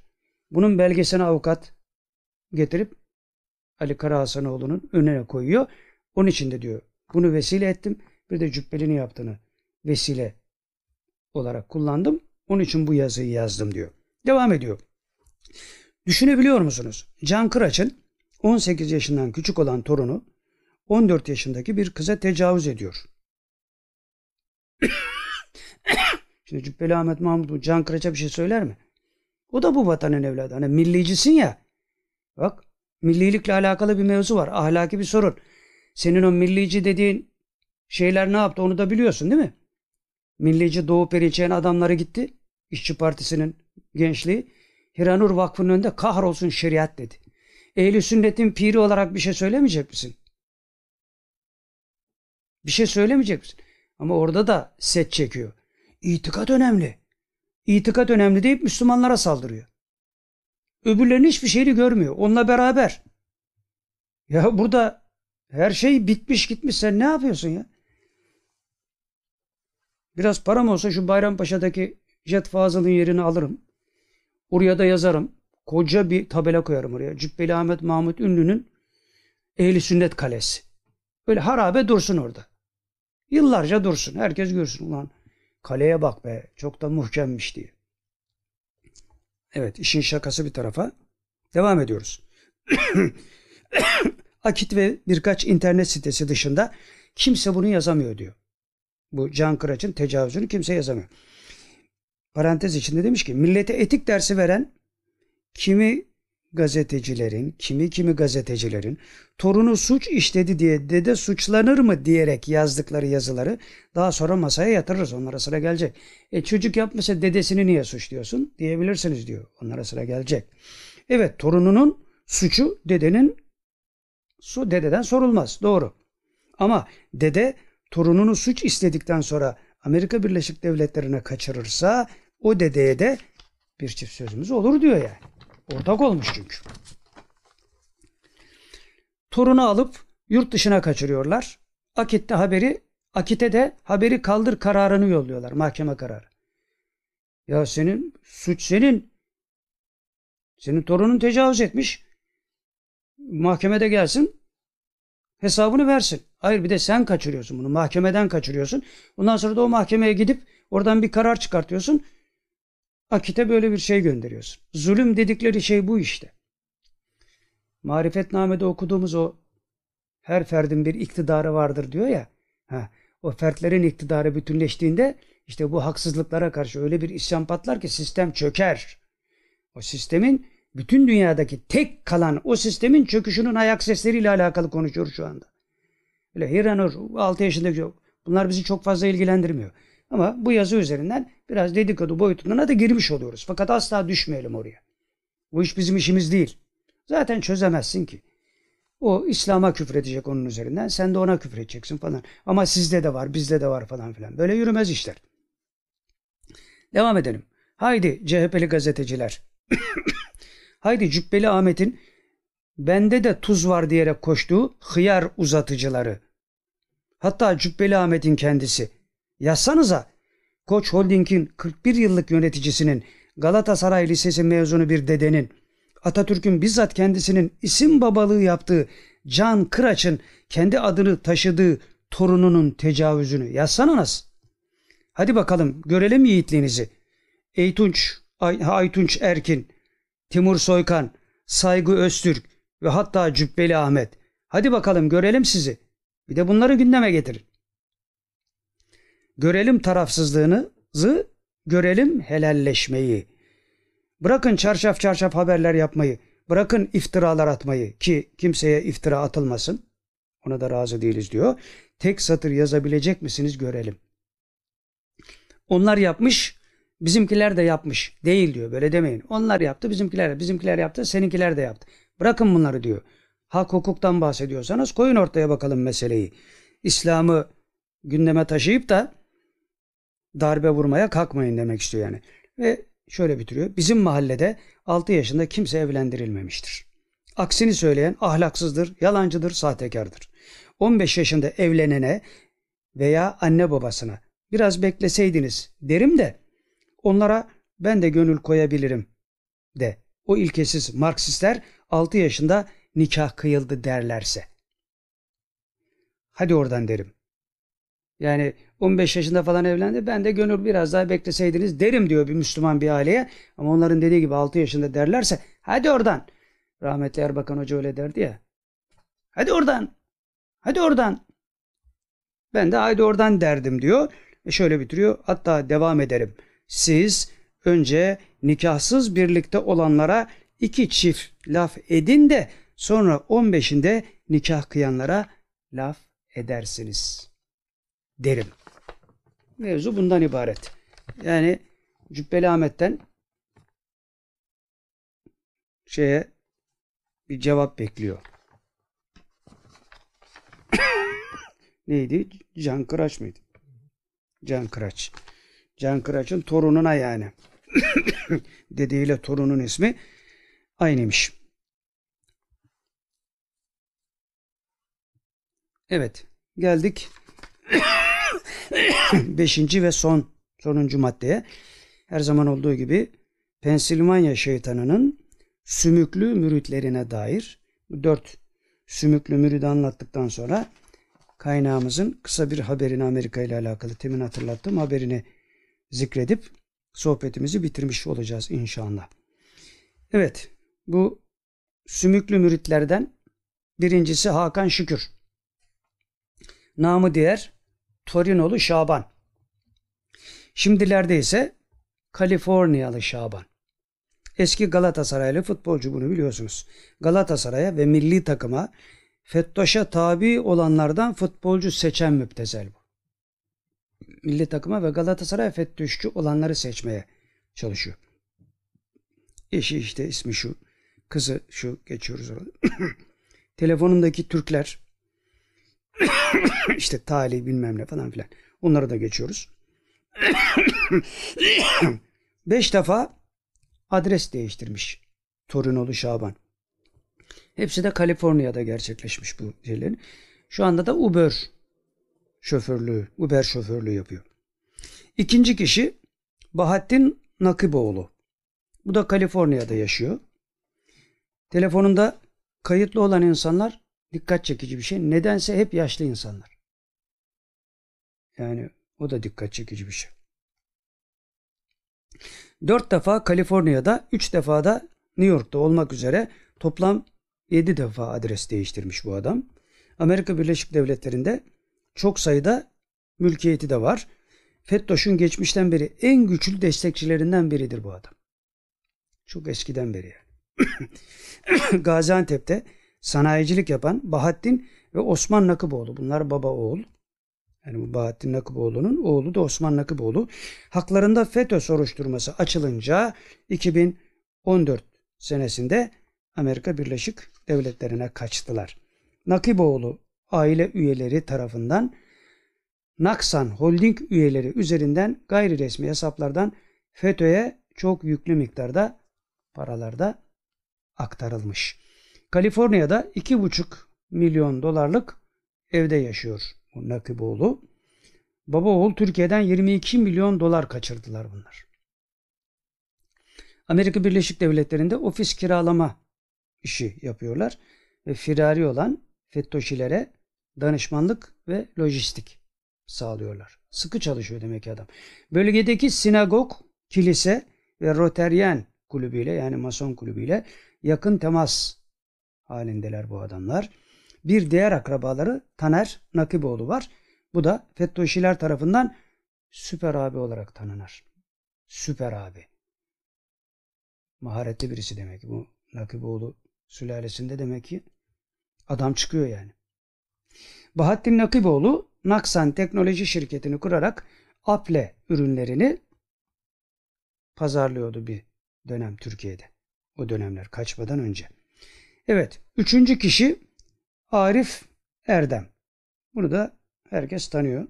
Eski Galatasaraylı futbolcu. Virginia'da yaşıyor. İspala'dan Yunanistan'a oradan da ABD'ye kaçmıştı bu adam. Eşinin adı işte neyse eşi sonra adını değiştiriyor. E, Gavuristan adına çeviriyor. Ve ona benzer bir şey çeviriyor. Bu Arif bir defa Virginia'da bir defa da Alabama'da olmak üzere toplam iki defa adres değiştirmiş. Neyse bu demek ki kendini çok fazla ileri safhada mı görmüyor? Öbürlerin hepsi en az yedi sefer değiştirenler var. Bu rekor bunda yani en düşük bu iki defa değiştirmiş.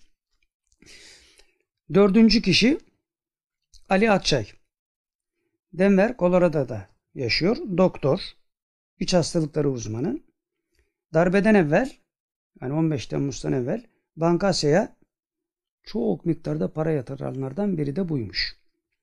FETÖ'şün şahsi doktoru olan Tuncay Delibaş ile 2011 ile 2013 yılları arasında tam 23 kez irtibat kurmuş. AK Parti milletvekili İsmail Oku suikaste öldürme teşebbüsüyle gündeme gelmişti bir ara bu adam. Burada şimdi dört kişiyi zikrettik bitti. Ve kaynağımızdan Amerika ile ilgili birkaç kısa not nakledip sohbeti hitama erdirmiş olacağız inşallah. Diyor ki kaynağımız Amerika fena karıştı karışıyor. Gördüğü için mevzuyu sadece gelen haberler değil müşahede ediyor da. Amerika fena karıştı karışıyor. Cumhuriyetçiler iki yıl boyunca bütçeyi tamamen durdurdular. Biden hükümeti iyice zora girdi. Devam ediyor. Sınır polisleri sınırdan geçen herkese izin verdiler diyor. Halbuki bu Meksika şeyine duvar örüyorlardı falan filan. Ne oldu bir anda işler tersine döndü. Sınır polisleri sınırdan geçen herkese izin verdi. Hiçbir arama tarama yapmadan. Bu olay Amerika Birleşik Devletleri'nde büyük tedirginliğe yol açtı. Kimin geçtiği belli olmayan bir durum söz konusu. Amerika fena karışacak gibi görünüyor. Bunlar ayak sesleri. Anlaşılıyor ki 2024 seçimleri çok zorlu geçecek. Evet, daha önce belirttiğimiz bir şey vardı. Amerika'nın önündeki tehlike Amerika'nın sistemi sistemin sahipleri halkla araları açılmak gibi bir tehlikeyle karşı karşıya kaldılar. Bunu örtbas etmeye çalışıyorlar. Lakin edemeyecekler. İnşallah tez zamanda ümmeti Muhammed onların zulümlerinden kurtulur. Bir yerlere bundan sonra demokrasi götüremezler inşallah. Çünkü onların demokrasi biliyorsunuz San Francisco beyannamesinde ne diyorlardı? Yazmışlar oraya adamlar. Demokrasinin diğer milletlerin encamını tayin etmeye hakları vardır. Yani diğer milletleri biz dizayn ederiz istediğimiz gibi. Ve gelip ediyorlar. Irak'ta bir milyon insan öldürülüyor ve bu koydukları hükmü orada gerçekleştirmiş oluyorlar. Sonra e orada kimyasal yoktu. Ama o neydi o Rus bak ne karnı ağrısıydı geberdi gitti. Olsun ama diyor yaptığımızda fena olmadı diyor. Ahlaksızlar. Ahlaksızlar ya. Ondan sonra sen Amerika'dan medet umuyorsun. Zulüm abat olmaz, zalim berbat olur. Bugün bir haber vardı. Diyor ki batılı birisi, yetkili bir, belki de NATO'nun başkanı mıydı bilmiyorum şimdi hatırlayamıyorum. Ukrayna Rusya savaşı çok uzun sürecek. İlk başta ne demiştik? Hani biraz da biz demedik tabii de biz demiş gibi yapalım yani hava atalım. Hani 48 saatte Rusya girer çıkar falan filan mevzu biter. Yok demişlerdi yok. Çok uzun sürecek. Kaç ay oldu? 9 ay mı 6 ay mı? Devam ediyor. Allah selamı. Bir 19 sene daha sürer yani. Ve Avrupa'nın hali pürmelalini göreceksiniz yakında. Göreceksiniz yakında. Yine ne demişlerdi? Ukrayna Rusya savaşı onların batışına sebep olurken Türkiye'nin yükselişine sebep olacak. Şimdi yükselişe dair anlamayana zaten bir şey söylenmez. Bazı ipuçları verelim. Buğday meselesi. Müthiş bir hadise. Ukrayna ile Rusya'yı aynı masada oturtmak. Müthiş bir mesele. Ayasofya'nın açılması ne demek ya? Ayasofya nasıl açıldı ya? Şimdi bir takım şeylerin ayak sesi gelecek dedik ya. ya bu vakıflara vakıflara onların üzerinden İslam'a saldıran kuduzların hissettiği bu korku, bu tsunami geliyor. Geldi ufak ufak kıyıyı da dövmeye başladı. Kaçacak delikleri olmayacak. Zaten içimizdeki Yunanlılar söylenmişti. Bir kısmı kaçacak, bir kısmı kaçamayacak. Burada yağcılığa soyunacak. Göreceksiniz. Şimdi zirvede öfkelerini konuşturuyorlar. Zirve oradan öteye yok da. Oradan ötesi yorgunluk. Uçurumdan aşağı düştüklerinde seyredeceğiz. Zevkle seyredeceğiz. Mevla o günleri çabuklaştırsın inşallah. Dua edelim de Müslümanlar içinde bulunduğumuz bu badireleri çok latif ve naif bir şekilde geçsinler. Zaten geçilecek de hani dik durmayı bilmeyenlere söylüyoruz yani. Yoksa öbür türlü ne en fazla öleceksin yani. Elin gavuru ahirete inanmaz bilmem neye inanmaz atmış kendini ortaya ölümüne. Sen diyorsun Allah var, peygamber var, cennet var, cehennem var. E o zaman ona göre de dik durmak lazım. Kimseye iftira atmamak lazım. Fuzuli dedikodular yapmamak lazım. Kimsenin o manada günahını almamak lazım.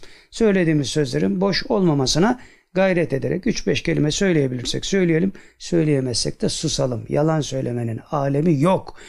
Statükoyu muhafaza edeceğim diye idareyi maslahat dünyasını tercih etmenin de bir manası yok. Cesur olun. Estağfirullah. İnna Allah iştara minel müminine enfusehum ve emmalehum bi ennelem cennet. Mallarınız ve canlarınız karşılığında size cenneti sattım diyor. Bitti. Bu pazarlığa tabi olacağız.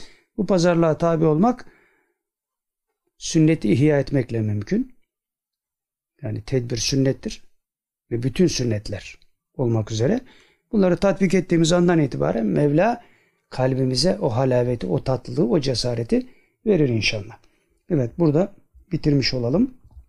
Bir dahaki sohbette yine her zaman söylüyoruz.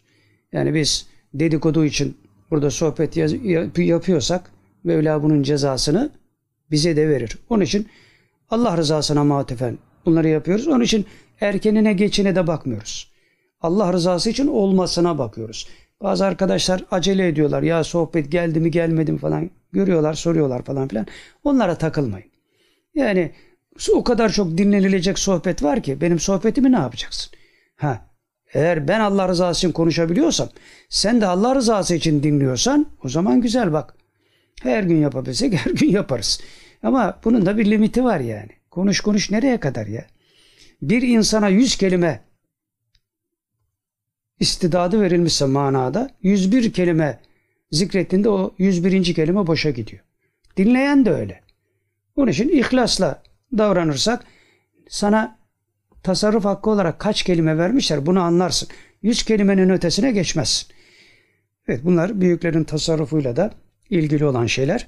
İnşallah bir dahaki sohbette ölmez ve yaşıyor isek Allah'ın izni keremiyle buluşmak üzere Allah'a emanet olun. İlâ şerefin nebi ve âli ve ashabi ve ikvani ve akavati ve akrabaihi ve ümmehati ve meşayihin el Fatiha.